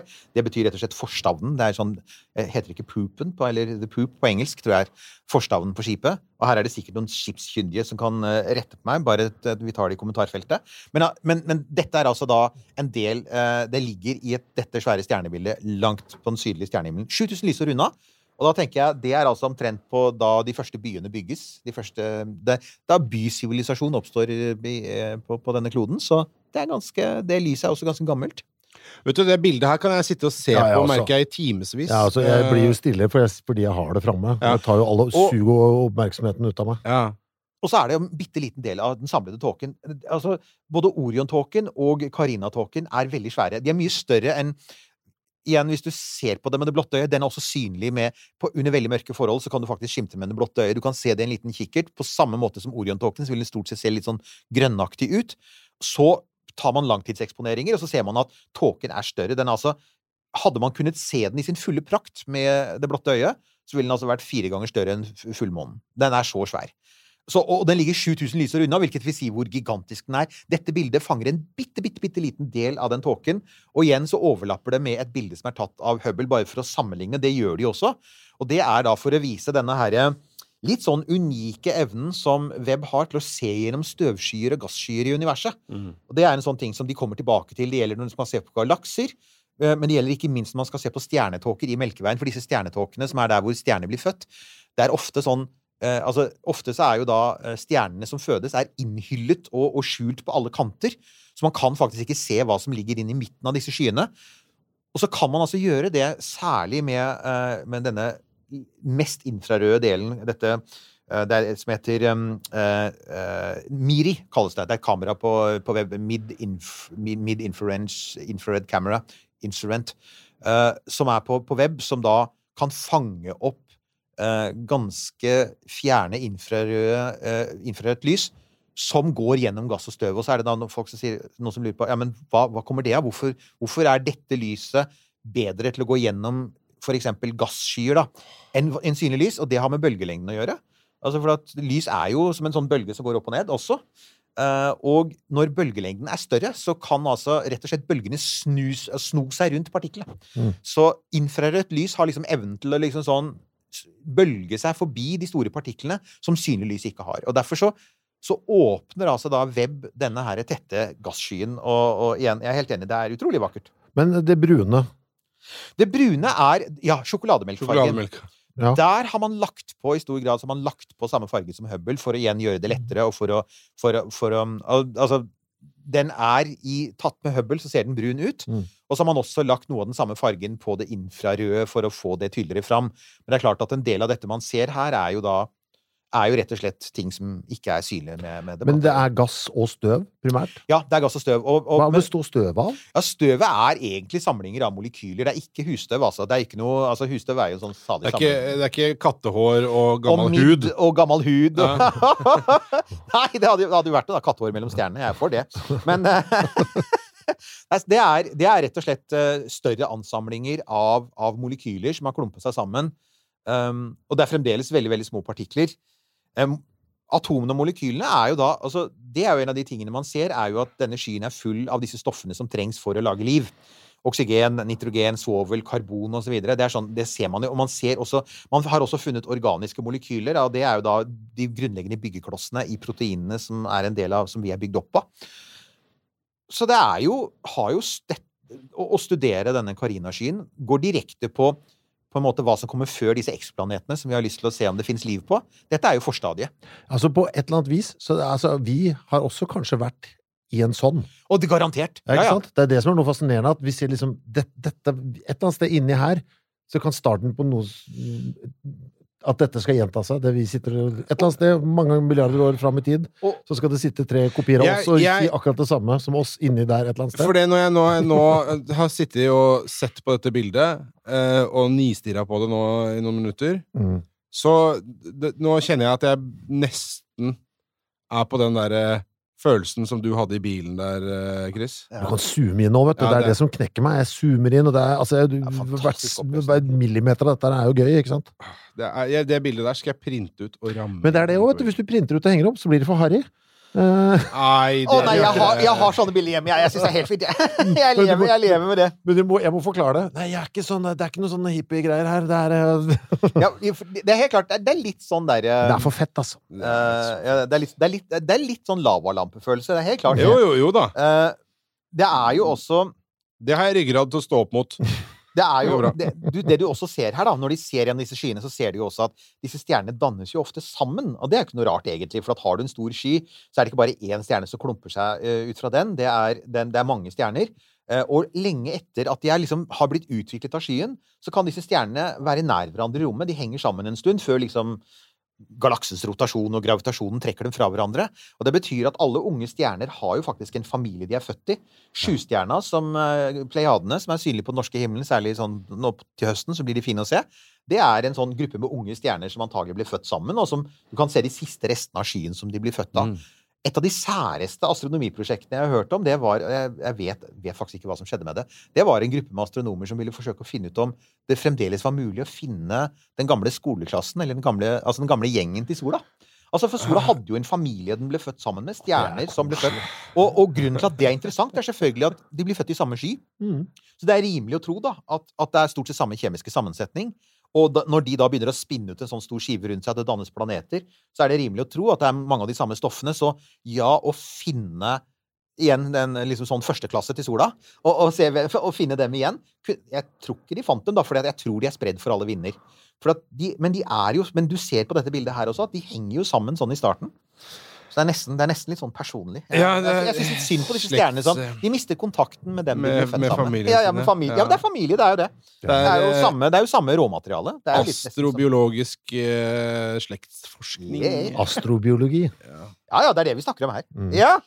Mm. Nei, jeg, nå, jeg ble nå, Ja, nå ja, så blir, jeg blir, det, det, det, det er litt rått, altså. Det er derfor jeg vil inn i dette rommet. For nå Ja! jeg, jeg, nærmer, jeg nærmer meg følelsen fra bilen igjen. Jeg ble, jeg ble sittende med eh, en eh, følelse og en sånn definisjon av disse stjernetåkene som universets østers, som lager perler. Mhm. ja det, var, det er ikke noen dårlig metafor i det hele tatt. Det og det er jo det de er, og det er jo eh, det er jo de som i stor grad også definerer galaksene. Det snak, altså, når vi ser spiralgalakser som, som har disse lysende armene, så er veldig mye av lyset fra det er jo fra nyfødte stjerner. For det er i spiral, spiralarmene at stjernefødsel foregår. Mm. Og vi ligger i en spiralarm, og denne Carina-tåken er, så vidt jeg vet, en del av den spiralarmen vi er, eh, sola er en del av. Og nok en gang, det er jo derfor man er litt opptatt av dette her med å liksom finne slektskap og, og, og, og hva som er i nærheten og sånn. Orion-tåken er jo enda mye nærmere, så den er definitivt en del av samme spiralarm som oss. Dette her er utrolig viktig, for det er jo det er jo dette som forteller så det, Jeg er enig med deg, Carina-bildet er ikke bare vakkert, men det forteller oss jo faktisk hvor vi kommer fra. Vi, vi, en gang så var vi som sitter i dette rommet her, og alle som hører på, var en del av den skyen. For alt det stoffet som vi består av, eller nesten alt, da Det lander noen meteoritter på bakken, men stort sett alt det stoffet kommer fra en sånn sky. Jeg syns det er litt kult. La oss ta et øyeblikk på det. Ja. Ja, men det er det, vet du.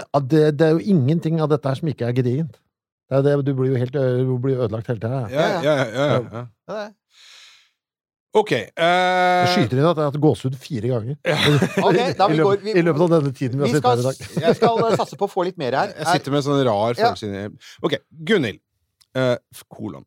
Jeg er litt nysgjerrig på denne døende stjernen. Ja. Hvor langt ute i prosessen dødsdansen har den kommet her, og hva har forskere foreløpig funnet ut om den? Og da skal vi til NGC 3132. Ja, som NASA også kaller for den, den, den sydlige ringtåken. Det finnes en nordlig ringtåke i stjernebildet Lyren som Southern Ring Nebula Ja. heter den på nettsidene til ligger NASA. ca. 2000 lysår unna. Altså i en keiser Augustus regjeringstid i det gamle Roma. Det var den jeg så i bilen, det var da suget i magen kom på den. Ja, men det er du helt tenke deg åssen det ble når jeg så den siste? Ikke sant? Det som er så kult med den, er som vi har vært inne på her, med dette her med at NASA har tenkt smart. Mm. Så nå har vi nettopp snakket om stjernenes fødsel. Dette er den motsatte enden. Dette er stjernenes død. Og dette er det som normalt skjer med stjerner av, type, av sollignende type. Sola kommer ikke til å eksplodere som en supernova. Den kommer til å bli veldig stor, en sånn rød kjempestjerne, om noen milliarder år. Og så vil den begynne å kaste av seg de ytre lagene etter hvert som liksom sånn strålingen innenfra blir sterkere enn tyngdekraften. Og da får du en stor gassboble rundt. Og på litt avstand så ser den ut for, med teleskop fra jorda. I gamle dager så trodde man det var planeter, fordi de, på avstand så ser det ut som en sånn blek skive på himmelen. Men i virkeligheten så er det da Eller de kan være ringformede. Eh, men i virkeligheten så er det da gass som er kastet ut av en døende stjerne, som er på vei mot det nest siste stadiet i en normal stjernes liv, som er når den blir en sånn hvit dverg, hvor det stort sett bare er kjernen i stjernen igjen, og all den ytre gassen er kastet fra. Og så har den noen billioner år på seg til å bli en svart dverg og bli helt kald. Da, da, da går den bare på ettergløden, liksom. Så det man visste her, da, det man visste før man sendte opp web, for det hadde Hubble vist, det var at i sentrum av denne sydlige ringtåken så var det en hvit dverg. Og man kunne også se at den hadde kastet av seg masse gass. Men man kunne ikke egentlig se noen særlige detaljer i den gassen. Eh, og når da web rettes mot det, så ser man for det første så ser man detaljer i disse gasskyene som annet kan fortelle deg om sånn ulike faser av stjernens liv. Sånn, du kan se at ok, her var det en sånn her var det et sånn ekstra kraftig utbrudd av gass som ble slengt ut, og det kan vi se i dette her kompliserte mønsteret inni midten der. Men så er det den andre tingen. da, Man oppdaget en stjerne til. Det er litt kult, da. Mm. For apropos det, det var det igjen med at den kan se gjennom gass og støv. Dette er gass og støv fra en døende stjerne som har skjult at det er at denne hvite dvergen har en partner. Den er rett og slett den er en samboer. Ja, for, ja nettopp. Det ser vi her. Eh, Den er, I det første bildet der, det, eh, det til venstre, der er det jo bare én. Og så i det andre så ser man at det er en liten luring ved siden av. Ja, og den lille luringen har helt sikkert hatt noe å si for den lille hvite dvergen. For at når da stjerner eser ut og blir røde kjempestjerner, så hvis det er to stjerner som er nær hverandre, så begynner de å utveksle gass. de, ikke sant? Så da begynner jo gass fra den ene stjernen å strømme over til den andre. Eh, og da vil det jo ofte være sånn winner takes all, for at den stjernen som da får mer gass, får enda større tyngdekraft og kan trekke enda mer gass. Så det blir en sånn der eh, selvforsterkende effekt. Og det, det, finnes, det, det ser vi mange eksempler på. Vi var bare ikke klar over at det var tilfellet med denne. Så det er sånn, nok en sånn ting som da, så det er et eksempel på det jeg nevnte i starten med web viser oss en ting vi ikke visste vi ville finne. Mm. Det er riktignok ikke veldig, det er ikke noe dramatisk, for vi vet at dette er ganske vanlig, men, men ok, kult. ok. Mm. Hallo, web, du viste oss da Hubble kunne ikke se det, du kan se det. Det er sånn Og så er det et eller annet med at det når du først, Hvis du hadde bevist dette til noen som ikke visste hva de så på, så vil de fort si at ok, nå har satt mikroskopet på et eller annet som ligger i vannet, og finner fram til en liten sånn uh, encella organismeaktig ting. Eh, ja, det ser så levende ut, på en eller annen måte. Det ser ut som en sånn Jeg satt akkurat med den samme tanken. Det, det, det, de, for, formene og, Ja. og, og strukturene, de, de, de er så like organiske ting som vi har sett, ja. Ja, jeg, Ja. jeg får veldig sånn Ja, jeg, at jeg, nå har jeg satt mikroskopet på et tatt- blad eller et Det er coviden som de har eh, virkelig fått blåst opp på. ja, ja, men det er, ja, det er noe der òg. Det, er- det ser så levende ut på en eller annen rar måte. Jo, men det er jo noe i det, da. For det er jo, når astrofysikere snakker om stjerner, så snakker de for det første om stjernegenerasjoner. Mm. Um, disse stjernene vi har i dag, er jo et resultat av at tidligere stjerner har utviklet seg og blant annet produsert de grunnstoffene som, som jorda består av. Altså, en, av en av grunnene til at vi gjerne vil bruke web til å se langt tilbake i tid, det er å se når eksploderende for at, altså Karbon, oksygen, nitrogen, svovel, alt det som vi, som er, som vi trenger i tillegg til hydrogen, liksom, eh, for å lage mennesker og jern og sånne ting ble jo laget i eksploderende stjerner, men hvor fort begynte det å skje? Så hvor fort kom man i gang med å produsere planeter? Og da veit vi at det gikk mange generasjoner av stjerner, og sola er vel en tredje generasjon stjerne. Og det, det, det betyr er jo at på sett og vis har sola arvet litt sånn DNA på en måte fra tidligere stjerner. For for å kunne bli det sola er i dag, så måtte noen andre tidligere stjerner må, måtte gjennom en prosess. Litt som tidligere livsformer må. Og du har en livssyklus. Stjerner fødes, og de lever, og de dør. Så det er en slags parallell ikke sant? Det er sånn parallellitet der. Da, som, Mm. Det er ikke helt Det, altså, ingen, ingen vil påstå at stjerner er levende, men de er altså faktisk sånne aktive, dynamiske objekter som påvirkes av omgivelsene sine, som er et produkt av tidligere slekter. Så på et eller annet vis er det noe i det òg som jeg syns er litt fascinerende. Jeg kan se Da på blir det stille. Ja, jeg kan se på dette her i dagevis. Ja, ja, ja, men Eh, altså, ja. Når vi, liksom, når vi, når vi nå- har gravd oss godt ned i gropa, Ja. så tenker jeg her kan jeg være kan jeg Altså, jeg lurer, sitter og ser på, tenker på, tilbake på det. Hvorfor blir jeg så rørt av dette her? Er det noe med For det blir jeg jo, da. Og nå òg, egentlig. Er, og det er, liksom, er det, treffer det meg perfekt på tidspunkt i livet hvor jeg vet akkurat nok til at jeg kan kose meg. Å, dette minner meg om en celle, og så vet jeg Mm. så akkurat passe nok om verdensrommet og fulgt med og gleder meg.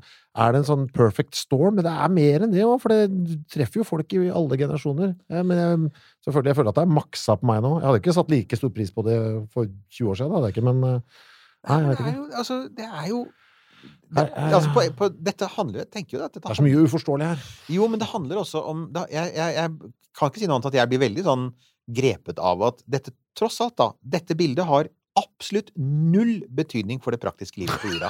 Det har det, ikke sant? Jeg kan si at For så vidt alt det vi har snakket om fram til nå, har absolutt null betydning. Dette handler ikke om sånn å beskytte oss mot asteroider og alt dette her, for da er man veldig opptatt av å snakke om disse praktiske tingene, med, og det er sant, solas mm. utvikling og sol og klima og alt dette her.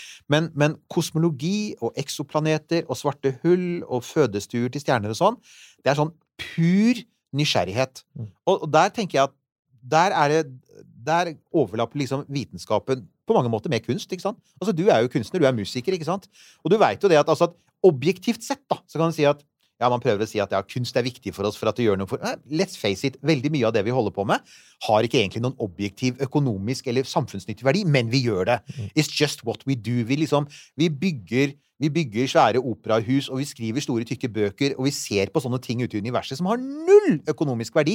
Og hvorfor gjør vi det, og hvorfor blir vi så fascinert av det?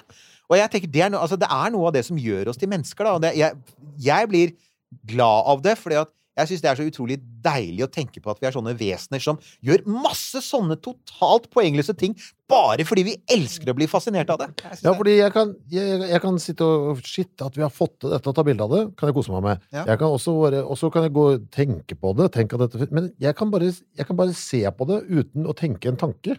Ja. Bare, altså, uten å analysere noe sånt. Jeg kan bare se på det, og så kan jeg liksom bare smelte i det visuelle her. Mm. Bare sånn der, hva er det det gjør noe fysisk med meg, bare, bare Jo, men, bildet. men, men samtidig Du sier smelte i det visuelle. Fint, jeg liker det.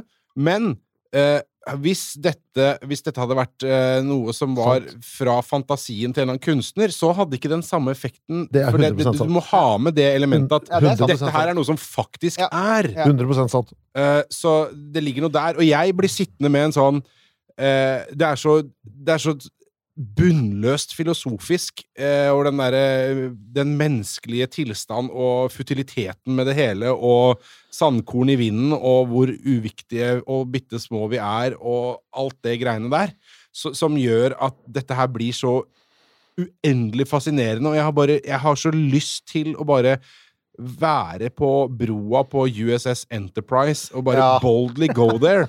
Eh, Og den følelsen og den der lengten etter noe som aldri kommer til å skje. Fordi det er så forbanna langt borte, og det er så svært, og det er så enormt, og det er så fullstendig utilgjengelig. 1202. Vet du hva jeg Den var nå? følelsen. Nå, jeg, jeg ha, nå skjønte jeg hva jeg egentlig er på jakt etter her. Jeg var én TV-sending i uka, jeg, hvor de presenterer to bilder. Ja, ja. Det er det jeg vil ha. ja. Med, stor bra, hvor jeg hver fredag setter meg ned i stolen, ah, skrur på TV-en, og så bare Nå skjer. Men jeg, skal anbefale deg, jeg kan anbefale alle et nettsted skal sende deg lenke til det. Det heter Astronomy Picture of the Day, og det er faktisk Det er rett og slett Og det er alle slags astronomibilder. Hver dag får du noe nytt. Det skjer. Og det kan være alt mulig fra liksom sånn måneformørkelse til galakser til svarte hull. Men det er, jeg ser på det hver dag, og jeg koser meg sånn med det. For det er, det er bare en sånn ren visuell nytelse. Mm. Og da får du litt Og så er det en liten forklarende tekst under med lenker til kilder og sånn. Er veldig, veldig bra. Apod er det. Astronomy Picture of the Day. Eh, Apod.com? Nei, jeg tror ikke det er .com, men hvis du bare tar Astronomy Picture of the Day, så vil du se at der, der er det. Og det er en sånn liten, det er en sånn liten injeksjon med, med sånn menneskelig undring og ting som er langt unna, og alt mulig. Og alle dere som trodde dere skulle på en eh, konsert med The Dogs i løpet av sommeren på slutten av festivalsesongen, kan bare drite i det, for Chris sitter hjemme og ser på bilder. Han gjør det! Jeg har har gudskjelov én annen i bandet som er interessert. Ja, ok. Ja, som, er, som har et lite teleskop hjemme og sånn. Så det er meg og Stefan. Vi kan sitte og snakke sammen. Ja, men det, altså, Så da det er- er du allerede i mål. Altså, har du Ja, litt vi, vi, er, vi er redda. Ja. Dere er redda. Vi må, Ok, Stefans kvintett. Ja, vi må det. Den siste Eh, lille. Og han heter jo Stefan! Han gjør det! Ja, så Ja, det men da har han sin egen lille galaksehop. For den var også helt rå, ass! Ja, den er kul. Men da, og da når jeg sa langt unna Hallo. Ja, 250 millioner lysår er jo Det er jo Altså, det er Ja. Det er, altså, vi har jo snakket om 4,6 milliarder lysår, men det er, det er langt unna, og det er langt utenfor vår galaksehop. Og lyset ble sendt ut omtrent da det liksom var Det var omtrent da dinosaurene var i ferd med å overta jorda. Mm. Panserpaddene måtte vike, og dinosaurene sier 'her er vi, og vi skal spise dere'. Da skjedde dette. Da Mm. skjedde dette. Da er det, det er det lyset vi ser på nå. Kvintett. Dette var en astronom som het Stefan, som oppdaget fem galakser som driver og går i bane rundt hverandre. Og det var liksom vi sa nettopp med denne, disse to stjernene som går i bane rundt hverandre i denne, denne døde stjernetåka. Ja. Um, når ting går i bane rundt hverandre, så utveksles det gass, men her er det mellom galakser. Ja. det er så kult. Ja, sånn- for det her, dette ser jo litt sånn skummelt ut, for her har du da fem galakser som er ganske nære hverandre. Og de drar galakser og stjerner. Og jeg bare tenker sånn Tenk å være Altså, tenk å være, bo på en stjerne i Stefans eh, Bo på en planet ved en stjerne i Stefans kvintett, og, og høre til å være en del av de som er blitt trukket ut i det intergalaktiske rommet, på vei mot en ny galakse. Og når du går ut om, Så er det du, du går ut, eh, og du har, du har fem øyne og 18 tentakler, og du går ut og ser utover havet, og så ser du opp på himmelen, og så ser du disse her gigantiske fem svære galaksene som fyller himmelen. Det er, det er sånn ganske awesome. Man har lyst til å være der også. Man har lyst til å være der! På, på en måte, men ikke. Ja, begge, Ha- både og. Her er det jo da her, altså, Kickeren her er jo at i, altså, i en av de, i disse galaksene så skjuler det seg et supermassivt svart hull. Eh, det er alltid Ah, kult. Og, og, og der har man jo så En ting at, at eh, at selvfølgelig Webb har brukt sin evne til å se gjennom gass og støv, til å se strukturer i disse skyene som trekkes mellom galaksene, som ingen har sett før. Men også, man har jo man har sluppet noen sånne mikrobilder. Altså, man har klart å zoome inn på ga gassen rundt det svarte hullet, og man har klart å se ulike typer atomer og hvordan de beveger seg rundt det svarte hullet. Og da snakker vi altså om gass og støv som styrter skrikende ned i uendeligheten. Det er svart hull, ikke sant? Så vi veit jo ikke hva som skjer med det, men det forsvinner innenfor hendelseshorisonten, og der blir det borte. Kan vi, kan vi se det svarte hullet i bildet her? Altså, Nei, vi kan ikke det. For det er, det er, det er, vi, ser, vi ser altså bare kun gassen på vei ned i det svarte hullet. Ja. For at lyset fra det svarte hullet, det, ja, det spises jo av det svarte Jo, jo, men vi vet, vi vet vi hvor i bildet på en måte det svarte hullet her er? Ja, det gjør vi. Jeg har, jeg har ikke egentlig klart å, jeg har ikke klart å fastslå hvor det er. Jeg, jeg så ett bilde som viste det, men jeg har det ikke i hodet nå. Men, men NASA har lagt ut et sånt eget bilde som viser hvor det svarte hullet er, og detaljer. Så det skal vi se om vi kan finne en lenke til. Eh, og, og detaljer i den gassen som går rundt det. Men da har du igjen dette med at, at eh, Webb ikke bare kan se denne gassen i mye høyere oppløsning og detalj enn før, og se gjennom gass og støvsky, men den kan også måle farten selvfølgelig ved å se på spekteret. Og da kan du se hvor fort den beveger seg, og da kan du se hvor mye av gassen som forsvinner inn i uendeligheten, og hvor mye som slynges ut igjen. Mm. For det. Så ja, supermassive svarte hull. Just saying. Det er eh, Ja, ja det, det, det blir liksom de samme orda som uh, kommer Ja, det, det, det eh, blir litt gjentakelser her, folkens. Det men- får bare beklage, men hva kan vi si? Ja, altså her sier altså, du, du blir så visuelt der, og du ser den der midterste kladdeisen der. Det ser ut som det er en, som du sa i stad, en perle i midten, og som Ja, det er noe det, ild oppe på sida der. det er, det er det svarte hullet. Nå husker jeg det. Det er okay. det som er det svarte hullet. For det er nettopp det. Det er litt overeksponert, og det er på grunn av, eh, det er igjen det er på grunn av all den glødende gassen. Ja. Og da har du, og, og hva er et supermassivt svart hull? Jo, det er altså et typisk svart hull som vi har i vår galakse. Kan være på, altså ha noen, veie to, tre, fire, fem ganger det samme som sola. Mens et supermassivt svart hull, lik det vi har i kjernen av vår galakse, det har da noen millioner solmasser, og de virkelig store galaktiske kan jo være enda mye større enn det. Kan da være milliarder av solmasser, for de har da drevet og spist ting i milliarder av år. De har bare fortsatt å Ikke sant? Bare, og, og igjen, hvis det kommer inn i det svarte hullet, kommer det aldri ut igjen. Det er sånn Oh, Ja, og der, det er den skumleste tanken i hele verden, er eh, hva skjer inni et svart hull. Det er, da, men vet du hva, hvis, det må ikke jeg tenke på, for da kan jeg bli ordentlig ordentlig redd. Ja, og det kan jeg si som en som har jobbet mye med skoleklasser. Jeg kan si at det er, det er en diskusjon du ikke vil ha. for det er halvparten av ungene er sånn Å, wow, så spennende. Og andre halvparten er Nei, De får aldri sove igjen. De, bare, de nemlig kommer Ja. ikke til å sove på Ja, uker. Så er, Men eh, ok, eh, innenfor her nå, da. Nils eh, Torger eh, skriver Ja. følgende spørsmål. Kan eh, web gi oss mer kunnskap om objekter i Melkeveien og i solsystemet? Eller er det kalibrert så det kun fungerer på fjernere himmellegemer? det har vi egentlig svart på. Ja, det det kan fungere innenfor galaksen, og det ble sluppet et bilde av Jupiter. Eh, et testbilde av Jupiter som viser at du kan rette det mot planeter. Men akkurat Jupiter direkte er det ikke særlig godt å bruke på, mest fordi at Jupiter er så varm. Jeg syns det er kult, det. Det er kult bilde, men, eh, men det var, det er, det er, for øyeblikket så er det mest et testbilde. Men det skal brukes på objekter i solsystemet, og man har stor tro på annet at det kan være nyttig på det ytre solsystemet, for det er veldig kaldt, og det vil si at eh, infrarød stråling kommer ofte fra ganske kalde objekter. Det høres rart ut, for det er varmestråling, men det er bedre til å fange opp kalde objekter enn synlig lys.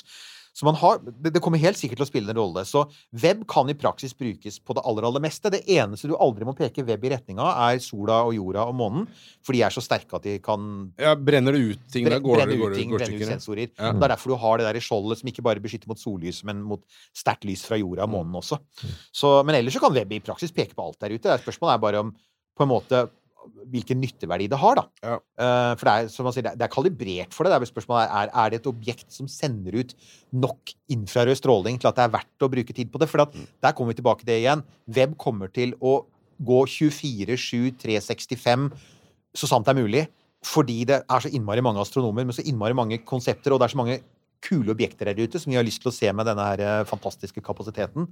Og da vil jo selvfølgelig Da gjør man alltid en vurdering. Så da vil det jo være sånn at ja, hvis det er Hvis det er sånn Det er en planet eller et objekt som man ikke egentlig tror er interessant i infrarødt, så, så rykker jo det ned på lista. Ja. Og så er det de stedene som Ja. Ja, for objekter har vi i hvert fall sett her at det er det nok av. Det er nok Men ett objekt jeg veldig gjerne, og det syns jeg er eh, Vi har vært innom det, vi har snakka om det før, og hvorfor ikke og sånn, eh, når vi har snakka mer sånn generelt om, om James Webb-prosjektet. Mm. Men ett objekt som jeg eh, savner bilde av, som jeg fryktelig, fryktelig gjerne skulle ha sett et bilde av, Mm. er jo James Webb. Eh, in spot. Altså, jeg skulle gjerne hatt eh, in situ-bilde av eh, teleskopet sjøl. Ferdig bare sett folda. det ferdig folda ut. Sett det der ute i intet. Uh, det skulle jeg fryktelig gjerne sett. Og jeg skulle ønske at de kunne tatt et lite sånn uh, side mission med litt av sånn uh, CubeSat opp der med et kamera på. Jeg, jeg tror du, du, Det er mange som har sagt det samme som deg, Nils Johan. Jeg er enig. Det handler om det, Jeg tror det handler mye om at um, um, selfie-kulturen den var ikke utvikla på det tidspunktet. Og, og jeg sier det av en helt konkret grunn, for at da kineserne sendte sin første rover til Mars, Churong, som, rullet- som landa i fjor og har rulla litt rundt, sammen med Perseverance, så de gjør en fin jobb. Det de gjorde, var jo En av de tingene de gjorde helt spesifikt, det var å lage en egen liten selfie-cube som de plasserte på overflaten. Og så rulla Churong tilbake, og så kjørte den tilbake igjen. og Så kunne de da, så den tok en selfie av seg selv fra Mars overflate. Ja. Og det kameraet hadde kun den funksjonen. Ingen vitenskapelig funksjon. Det var kinesisk elektronikk. Det veide hva for noe sånn eh, 100 gram eller noe sånt. nå, Og det var bare meningen at det skulle vare i fem minutter. Du kunne ha lagd en bitte liten CubeSat Ja. uh, som veide noen hundre gram. Som man og... kunne sluppet ut eh, når den var ferdig folda ut. ja, jeg tror den eneste grunnen til at ikke de gjorde det altså Det, det, er, det finnes ett godt argument for ikke å gjøre det, selvfølgelig, og det er at den CubeSaten, hvis du var litt uheldig, så, så kunne den komme borti speilet. Ja, Og da, Jo da. da har vi det gående. da har vi det gående. Men det jeg tenker, er jo at, at så snart Altså, det snakk, tanken er jo at web kommer til å leve lenge. Uh, denne oppskytningen som igjen var Vi fikk jo et hint. Det var innmari mange som var opptatt av denne oppskytningen av web i sin tid. Og den lange reisa ut. Masse, masse interesse for Det det. var vettaskremt, det. Ja, alle var Ikke sant? Og igjen, det Og, og, og Ariane Space, som skjøt den opp, de har jo aldri opplevd så mye oppmerksomhet rundt noen oppskyting noensinne. Så de var jo også helt tatt på senga. Det så vi jo, for de hadde Apropos det, Uh, altså NASA er jo de, de er jo awesome sammenlignet med Ariane Space. Det var dårlig, det!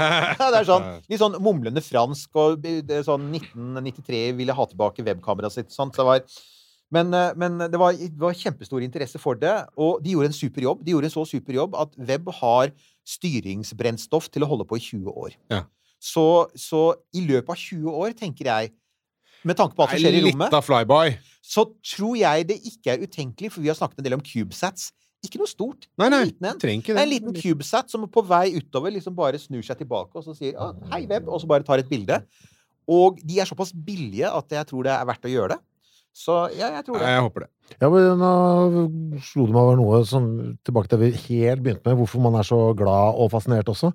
For jeg kjente jo på en bekymring, både under oppskytinga, men også på de bildene. Tenk om det ikke leverer? Altså, for vi trengte nå, alle vi som er sånn glad i vitenskapsting, Ja. vi trengte at vitenskapen leverer i en tid hvor folk har valgt å ikke tro på vitenskap. Ja. Så det var sånn, ok, på kurs, for jeg, jeg så for meg at hvis det bare kom noe drit, eller ting ikke funka, altså bare, ok, da, da, skjer det, da skjer det faktisk ikke i min levetid. Jeg trengte at dette virka. Altså. Absolutt. Men apropos virka, da. Vi har en siste. Det var Ja, en av de siste ja, kommentarene vi fikk på Facebook-siden vår. Den er jo Ja. Den går jo litt på akkurat det. For det var jo eh, Det var kritisk. Jeg, altså, jeg var redd når altså, Det var hvor mange sånne punkter på den der eh, critical fail-punkten når den skulle eh, folde ut hele greiene. Det var ganske mange. Oh, ja, ja, ja. Hvor én skulle gå gærent, og så var hele prosjektet fucked. De hadde jo et digert nettsted som ikke gjorde noe annet enn å bare vise deg hvordan alle de sånn mange hundre tingene som måtte gå helt Så ah, det er en ingeniørmessig bragd. Mm. Men så har du naturen, da. Ja. Og der kommer jo da liksom wildcardet, jokeren, inn her. Eh, da får vi eh, Det er Jan Jon Larsen sitt eh, felt, dette her, ikke sant? Det er det. med mikrometeoritter. Eh, for Ole har korrekt eh, lest eh, at to mikrometeoritter har truffet James Webb eh, siden det kom på plass. Eh, Og to siden det kom på plass, syns jeg høres mye ut, skriver Ole. Hvor skummelt er det for teleskopet og levetiden? Du, du, du. Altså jeg, da jeg hørte om det, jeg holdt på å måtte gå ned på apoteket og kjøpe voksenbleier. Fordi, fordi det Jeg var skvatt, jeg òg, altså. Ja, jeg bare Nei, dette orker jeg. Også så rett før, liksom. Ja. Altså så tett på. Bare, nei, dette, det verste av alt- det verste hvor, hvor mange er- ganger skal dette skje? Jeg, bare, jeg, vet- jeg, jeg orka det ikke. Jeg gikk til det, det, det Dette er basert på et paper som uh, Igjen, er jo, alt er jo vitenskap, og, og det ble skrevet et, et vitenskapelig uh, artikkel om det som het The Commissioning Phase, hvor de gikk gjennom alle de, de seks månedene etter at det var skutt opp. Alt som var gjort for at, å få det på plass. Og så er det et underkapittel på noen avsnitt som er sånn Micrometeorites. Og der står det bare sånn For det er vist at Jeg leste den artikkelen, og det var sånn Det er ikke to mikrometeoritter, det er jo seks. Det er faktisk en i måneden. Oi. Så er da saken, for å bruke en eirikisme. Her er greia. Eh, det hadde de forventa. De har jo de har regna på det, og det er klart et av problemene med å sende web til dette Lagrange-punktet L2, og vi har jo snakket om det før, det, halvannen million kilometer bak månen, er at der har ikke vi vært mye. Vi har ikke hatt mye romskip der ute. Vi har ikke mye erfaring med hvor mye mikrometeoritter er der ute. Vi har beregninger. Så alt er basert på anslag. Og, og de beregn teoretiske beregningene man hadde, de sa ca. ett treff uh, i måneden. Og, og der kom jo en helt unik ting med web inn. I i motsetning til omtrent alle andre romteleskoper, så sitter ikke web-speilet i bunnen av et rør. Det ikke altså, Hubble er et teleskoprør med et speil i bånn. Eh, Det betyr at det er ganske godt beskyttet. Hvis det kommer noe på skrå inn, så går det rett i røret. Det går ikke inn på speilet. Web ligger åpent. Det er et nakent speil med en sånn derre sekundærspeil som holdes foran. Og det betyr at hvis det kommer en mikrometeoritt på skrå, da, så vil den treffe så, så, så vil den treffe speilet på skrå, og det betyr jo ingenting i verdensrommet, for det er ikke noe, sånn, det er ikke noe atmosfære som bremser eller noe sånt noe. Så da treffer jo den med full kraft på skrå, og lager en ripe, for eksempel. Så man visste at det ville bli langt flere treff på web enn det ville bli på Hubble. Men det man ikke så for seg, det var det som da skjedde mellom 22. og 24. mai. Man har ikke helt nøyaktig når det skjedde, man bare ser de dataene. At mellom 22. og 24. mai så var det ett av de 18 segmentene som fikk seg en ordentlig smell. Og det var en såpass kraftig smell at det ble en varig skade som påvirket eh, kapasiteten til segmentet. Det er fremdeles brukbart, men det, blitt, har, men det har lavere presisjon i målinger eh, enn det ellers ville hatt. Og man måtte justere speilet. Det kan man heldigvis. Det er en av fordelene med web. er at du kan justere speilsegmentene. Og man har justert dette skadde speilsegmentet sånn at det nå er innafor toleransegrensen for det samla instrumentet. Så det er ingen som tror at dets evne til å gjøre vitenskap, da webs evne til å gjøre vitenskap, er, er, er alvorlig skadet eller påvirket på noen som helst måte. Men selvfølgelig, etter bare fire måneder i rommet, så får du en kjempesmell. Det gjorde at mange astronomer sa ups, vi er kanskje riktige på antall mikrometeoritter, men har vi bomma på størrelsen? Ja. Ikke sant? Rett og slett. Og det, er, det, er ikke noen, det er ikke noens feil, for det er teoretisk, så vi veit jo ikke. Hva tror vi om størrelsen på det som har truffet, da? Har de noe Altså, anslag? de, de har faktisk ikke sett noe, Jeg så ikke noe anslag på det i, det, i, det, i den artikkelen. Men det er uansett en mikrometeoritt. Vi snakker jo om, ikke sant? Vi snakker om eh, i, sånn i høyden kanskje noen millimeter. ikke sant? Mm. Så dette, er- det er veldig smått, dette her. Men det er klart solsystemet er fullt av disse partiklene. Det er derfor vi ser, det er derfor vi ser stjerneskudd på himmelen hver natt. Hvis man bare står ute i ti minutter, så vil man gjerne se et stjerneskudd. Eller en Elon Musk Starling-satellitt. Vi måtte jo nevne han. Må Han med. måtte nevnes, og Werner von Braun er også nå hermed nevnt. Så er det gjort. Eh, Men, men, men Så vi veit at de er der. Mm. Så, så det store spørsmålet har hele tiden vært hvor store er de? Det ser ut som de aller fleste tror at dette var en sånn der tilfeldighet. Altså, det var uflaks. Ja, for jeg tenker på at hvis man skal basere seg på den raten og, og størrelsen og type skade, så kan vi jo kysse de 20 åra farvel. Da kan man regne med at det blir en degradering av instrumentet over tid som er raskere enn man trodde. Det vil fremdeles kunne brukes, for igjen, det er jo modulært. Så, så, så det vil fremdeles være sånn at segmenter kan justeres. Men, eh, men du har rett, det kan bety det. Men vi får krysse fingrene og håpe på at eh, det ikke var sånn. Og så er det en De sier også i den artikkelen at det er et mottiltak de kan sette inn. Og det er, det er, det er Altså, vet du hva? Det er altså det er kreativiteten til disse folka som eh, du påpekte, Chris. Altså, du kan ikke reparere web. Men du kan jo gjøre ting. Så ja, hva gjør du da? Jo, det du gjør, er at du ser på uh, du ser på de teoretiske beregningene for hvordan mikrometeoritter flyr ute ved web, og så passer du på å stort sett orientere teleskopet sånn at det mesteparten av tiden er vendt bort fra den vanligste fartsretningen. Mm. Du kan ikke helt garantere det, men du kan i hvert fall redusere Ja, for da treffer hele den solskjermen. At det heller treffer solskjermen, eller at det treffer baksiden av speilet. Det er ikke Ja, noe problem, for at det, det, er, det er solide greier. Ja, for de er ikke, de er ikke så kraftige, disse mikrometeorittene, at de lager hull. Nei, nei, nei. Så det er Nei. ikke det de gjør. Men, men at mikrometeoritter det, det, har man også tatt Altså, solskjoldet er jo egentlig bare Er det fem, fem veldig sånn fastspente flak med mylarplast? Ja, ja. ja. den plasten har et, en, et dekkskill, altså den er dekket med et stoff som gjør at det er selvreparerende. Sånn at du vil ikke Du vil, du vil, få, et, sånn, du vil få et hull, du vil få et nålehull, men du vil ikke få Du skal ikke revne. Nei, for at det er jo satt i spenn, og da Ja. tenker du at oi, hvis du, hvis du setter plast i spenn da, og får en rift i plasten, så vil det ofte bare rives helt opp. Det vil ikke skje. I hvert fall ikke følge Northrop Grumman, det selskapet som har bygd raketter i 60 år. Jeg, vi får stole på at de har klart å lage plast som ikke revner når du får et hull, da. Men, eh, så det, det vil helt klart bli hull i solskjoldet, og det vil helt klart bli treff på, på web. Men man har altså håpet å unngå det. Men jeg, jeg, jeg velger å være optimist, jeg. Ja, det må vi jo bare. Uh, for uh, uansett, da, så vet vi at uh, før det går eventuelt ordentlig åt skogen med det, med å bli truffet av noe, så vil vi få flere moments, eh, Chris, som, eh, som du hadde, hadde Ja, jeg gleder meg bare. Altså, dette er jo Det vi har fått nå, har vi fått på så kort tid. Ja. Og det er jo det som gjør eh, altså, det er, Farten til web er jo Ja, og det er jo før skjema, egentlig, det de Ja, det er før Trodde. skjema, så de er, nå er de i full gang. De er i- nå i, i full gang med vanlig vitenskapelig drift. Mm. Uh, og det er samlet inn masse data. Altså, dette ble sluppet uh, 12. juli. Eh, og i dag er det hva for noe? Ja, det er eh, 18.. 18., så det er seks dager siden. Altså, det har ikke vært skrudd av siden. Det har vært, det har vært i drift, og det sender jo data ned. Altså, det man gjør, er jo at man uh, Dette er jo da teknologi fra rundt 2010. Så de har, de har, de har da uh, de, de, de kan ikke sende data hele tiden, for det er ikke alltid de er i kommunikasjon med jorda. Så det de gjør, er at de lagrer dataene på to sånne solid state-disker. Jeg tror det er 60 gigabyte eller noe sånt. Og de kan lagre. Så må vi igjen tenke 60 gigabyte er ikke mye på en moderne Altså, din laptop har mye større harddisk enn det. Men det er igjen fordi det er 2010-teknologi. Så i 2010 så var det mye lagringsplass på en solid state-disk. Og så lagres det der, og så dumpes det ned til jorda. Og så slettes den, og så fylles den opp igjen. Mm. Så det er forresten en annen ting som setter en grense for livet til web, er selvfølgelig hvor ofte du kan lese og skrive til de harddiskene. Og der er det jo da igjen, sikkert noen i kommentarfeltet som kan si noe om hvor mange lese-skrivemuligheter du har. Men det, det, vil, så det er, det er noen begrensninger i det, og du, og du kan ikke bare liksom trekke det ut og sette en ny kassett inn, for igjen, det er jo ikke, er ikke reparerbart. Altså, web er jo egentlig som en veldig, veldig stor iPhone eller Samsung. Det er en ikke-reparerbar elektronisk dings. Halvannen millioner kilometer unna! right to repair, sier jeg bare. Men da melder jo mitt spørsmål seg. Driver de og planlegger en ny? Er vi i gang med det? Å sende opp et, en ny dings, siden alt liksom hele tiden er 12-15 år tilbake i tid? det er, det er snakk om å Altså, det skal jo bygges nye eh, romteleskoper. Mm.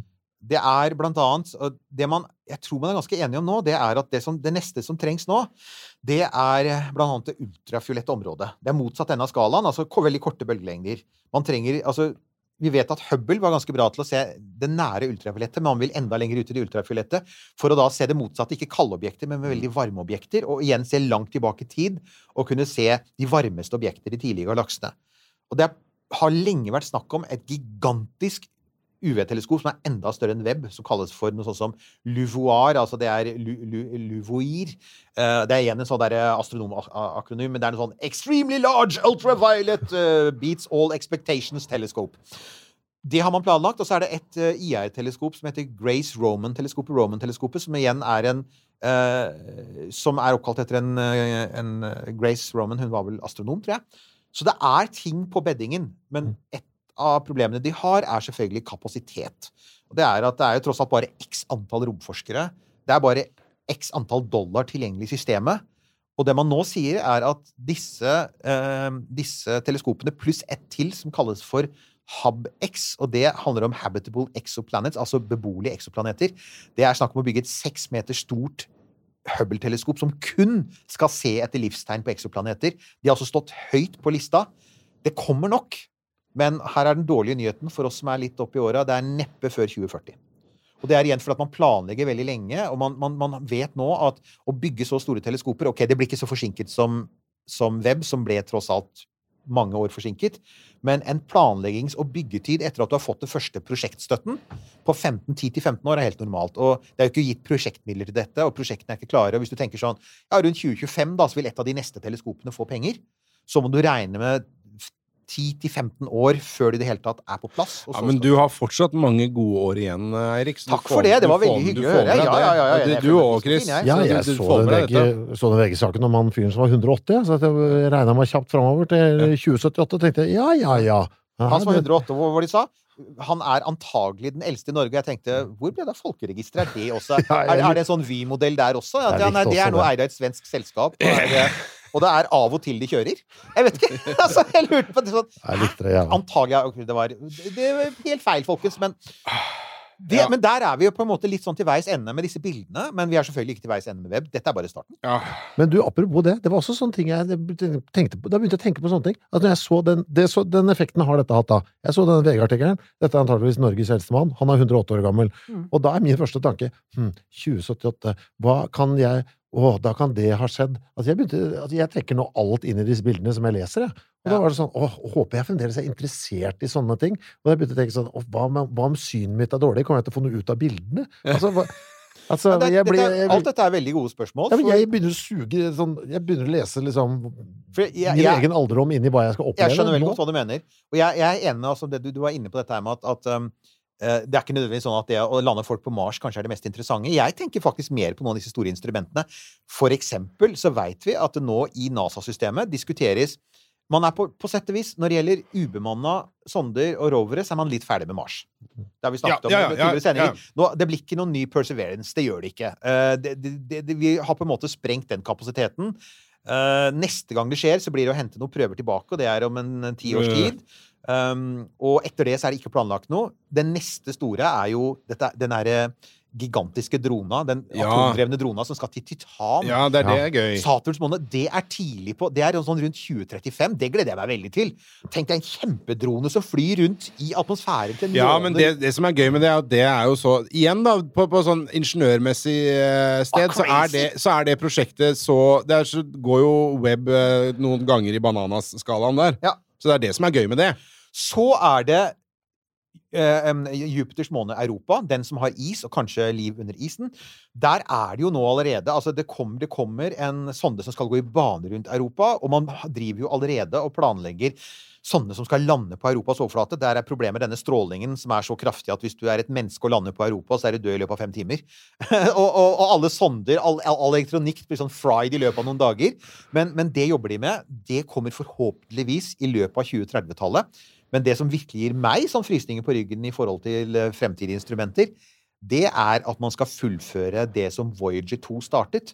For det er fremdeles sånn at de eneste bildene vi har av de to ytterste planetene, Uranus og Neptun, er Voyager 2-bilder fra 1986 og 1989, og det er ikke godt nok.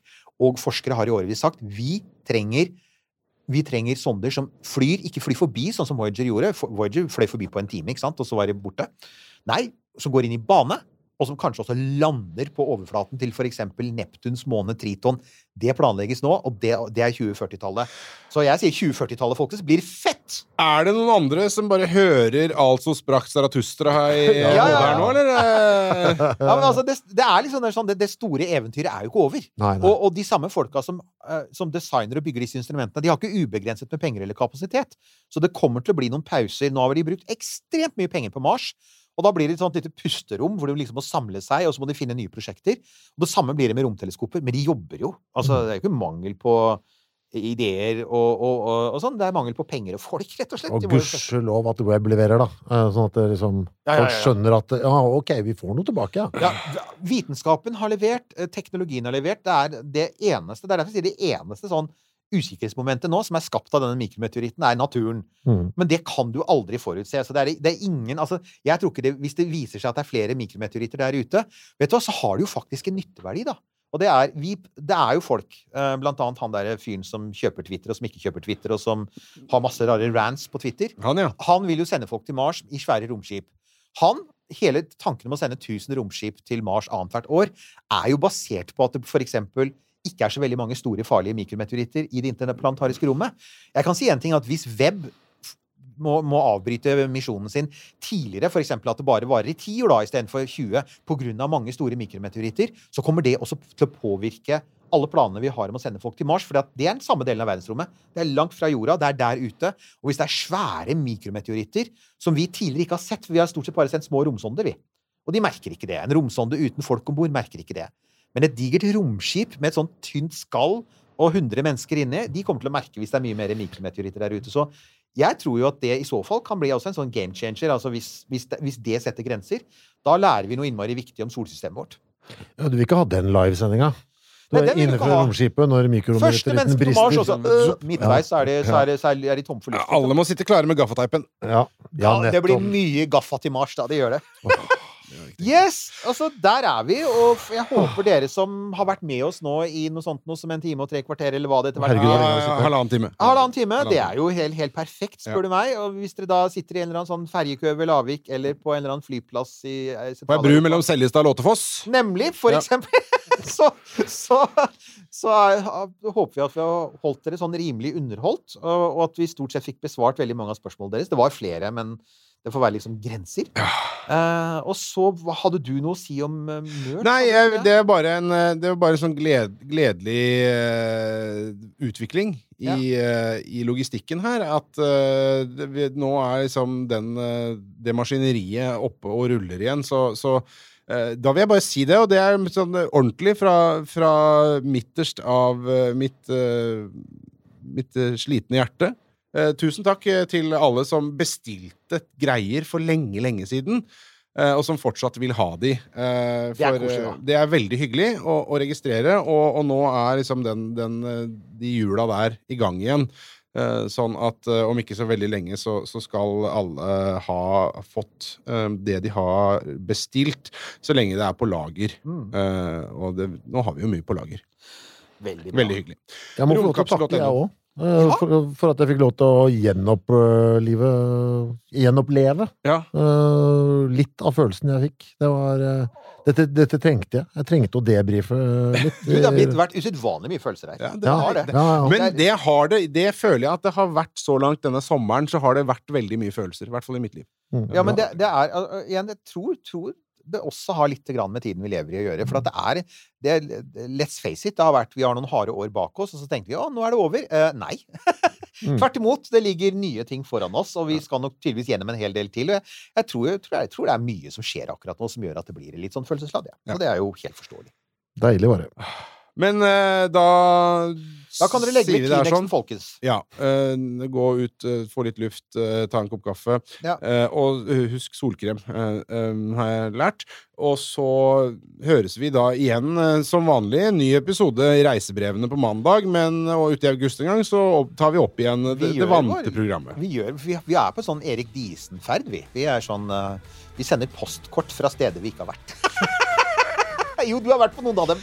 Og jeg har vært på noen av dem. Ja, saken er Takk for nå.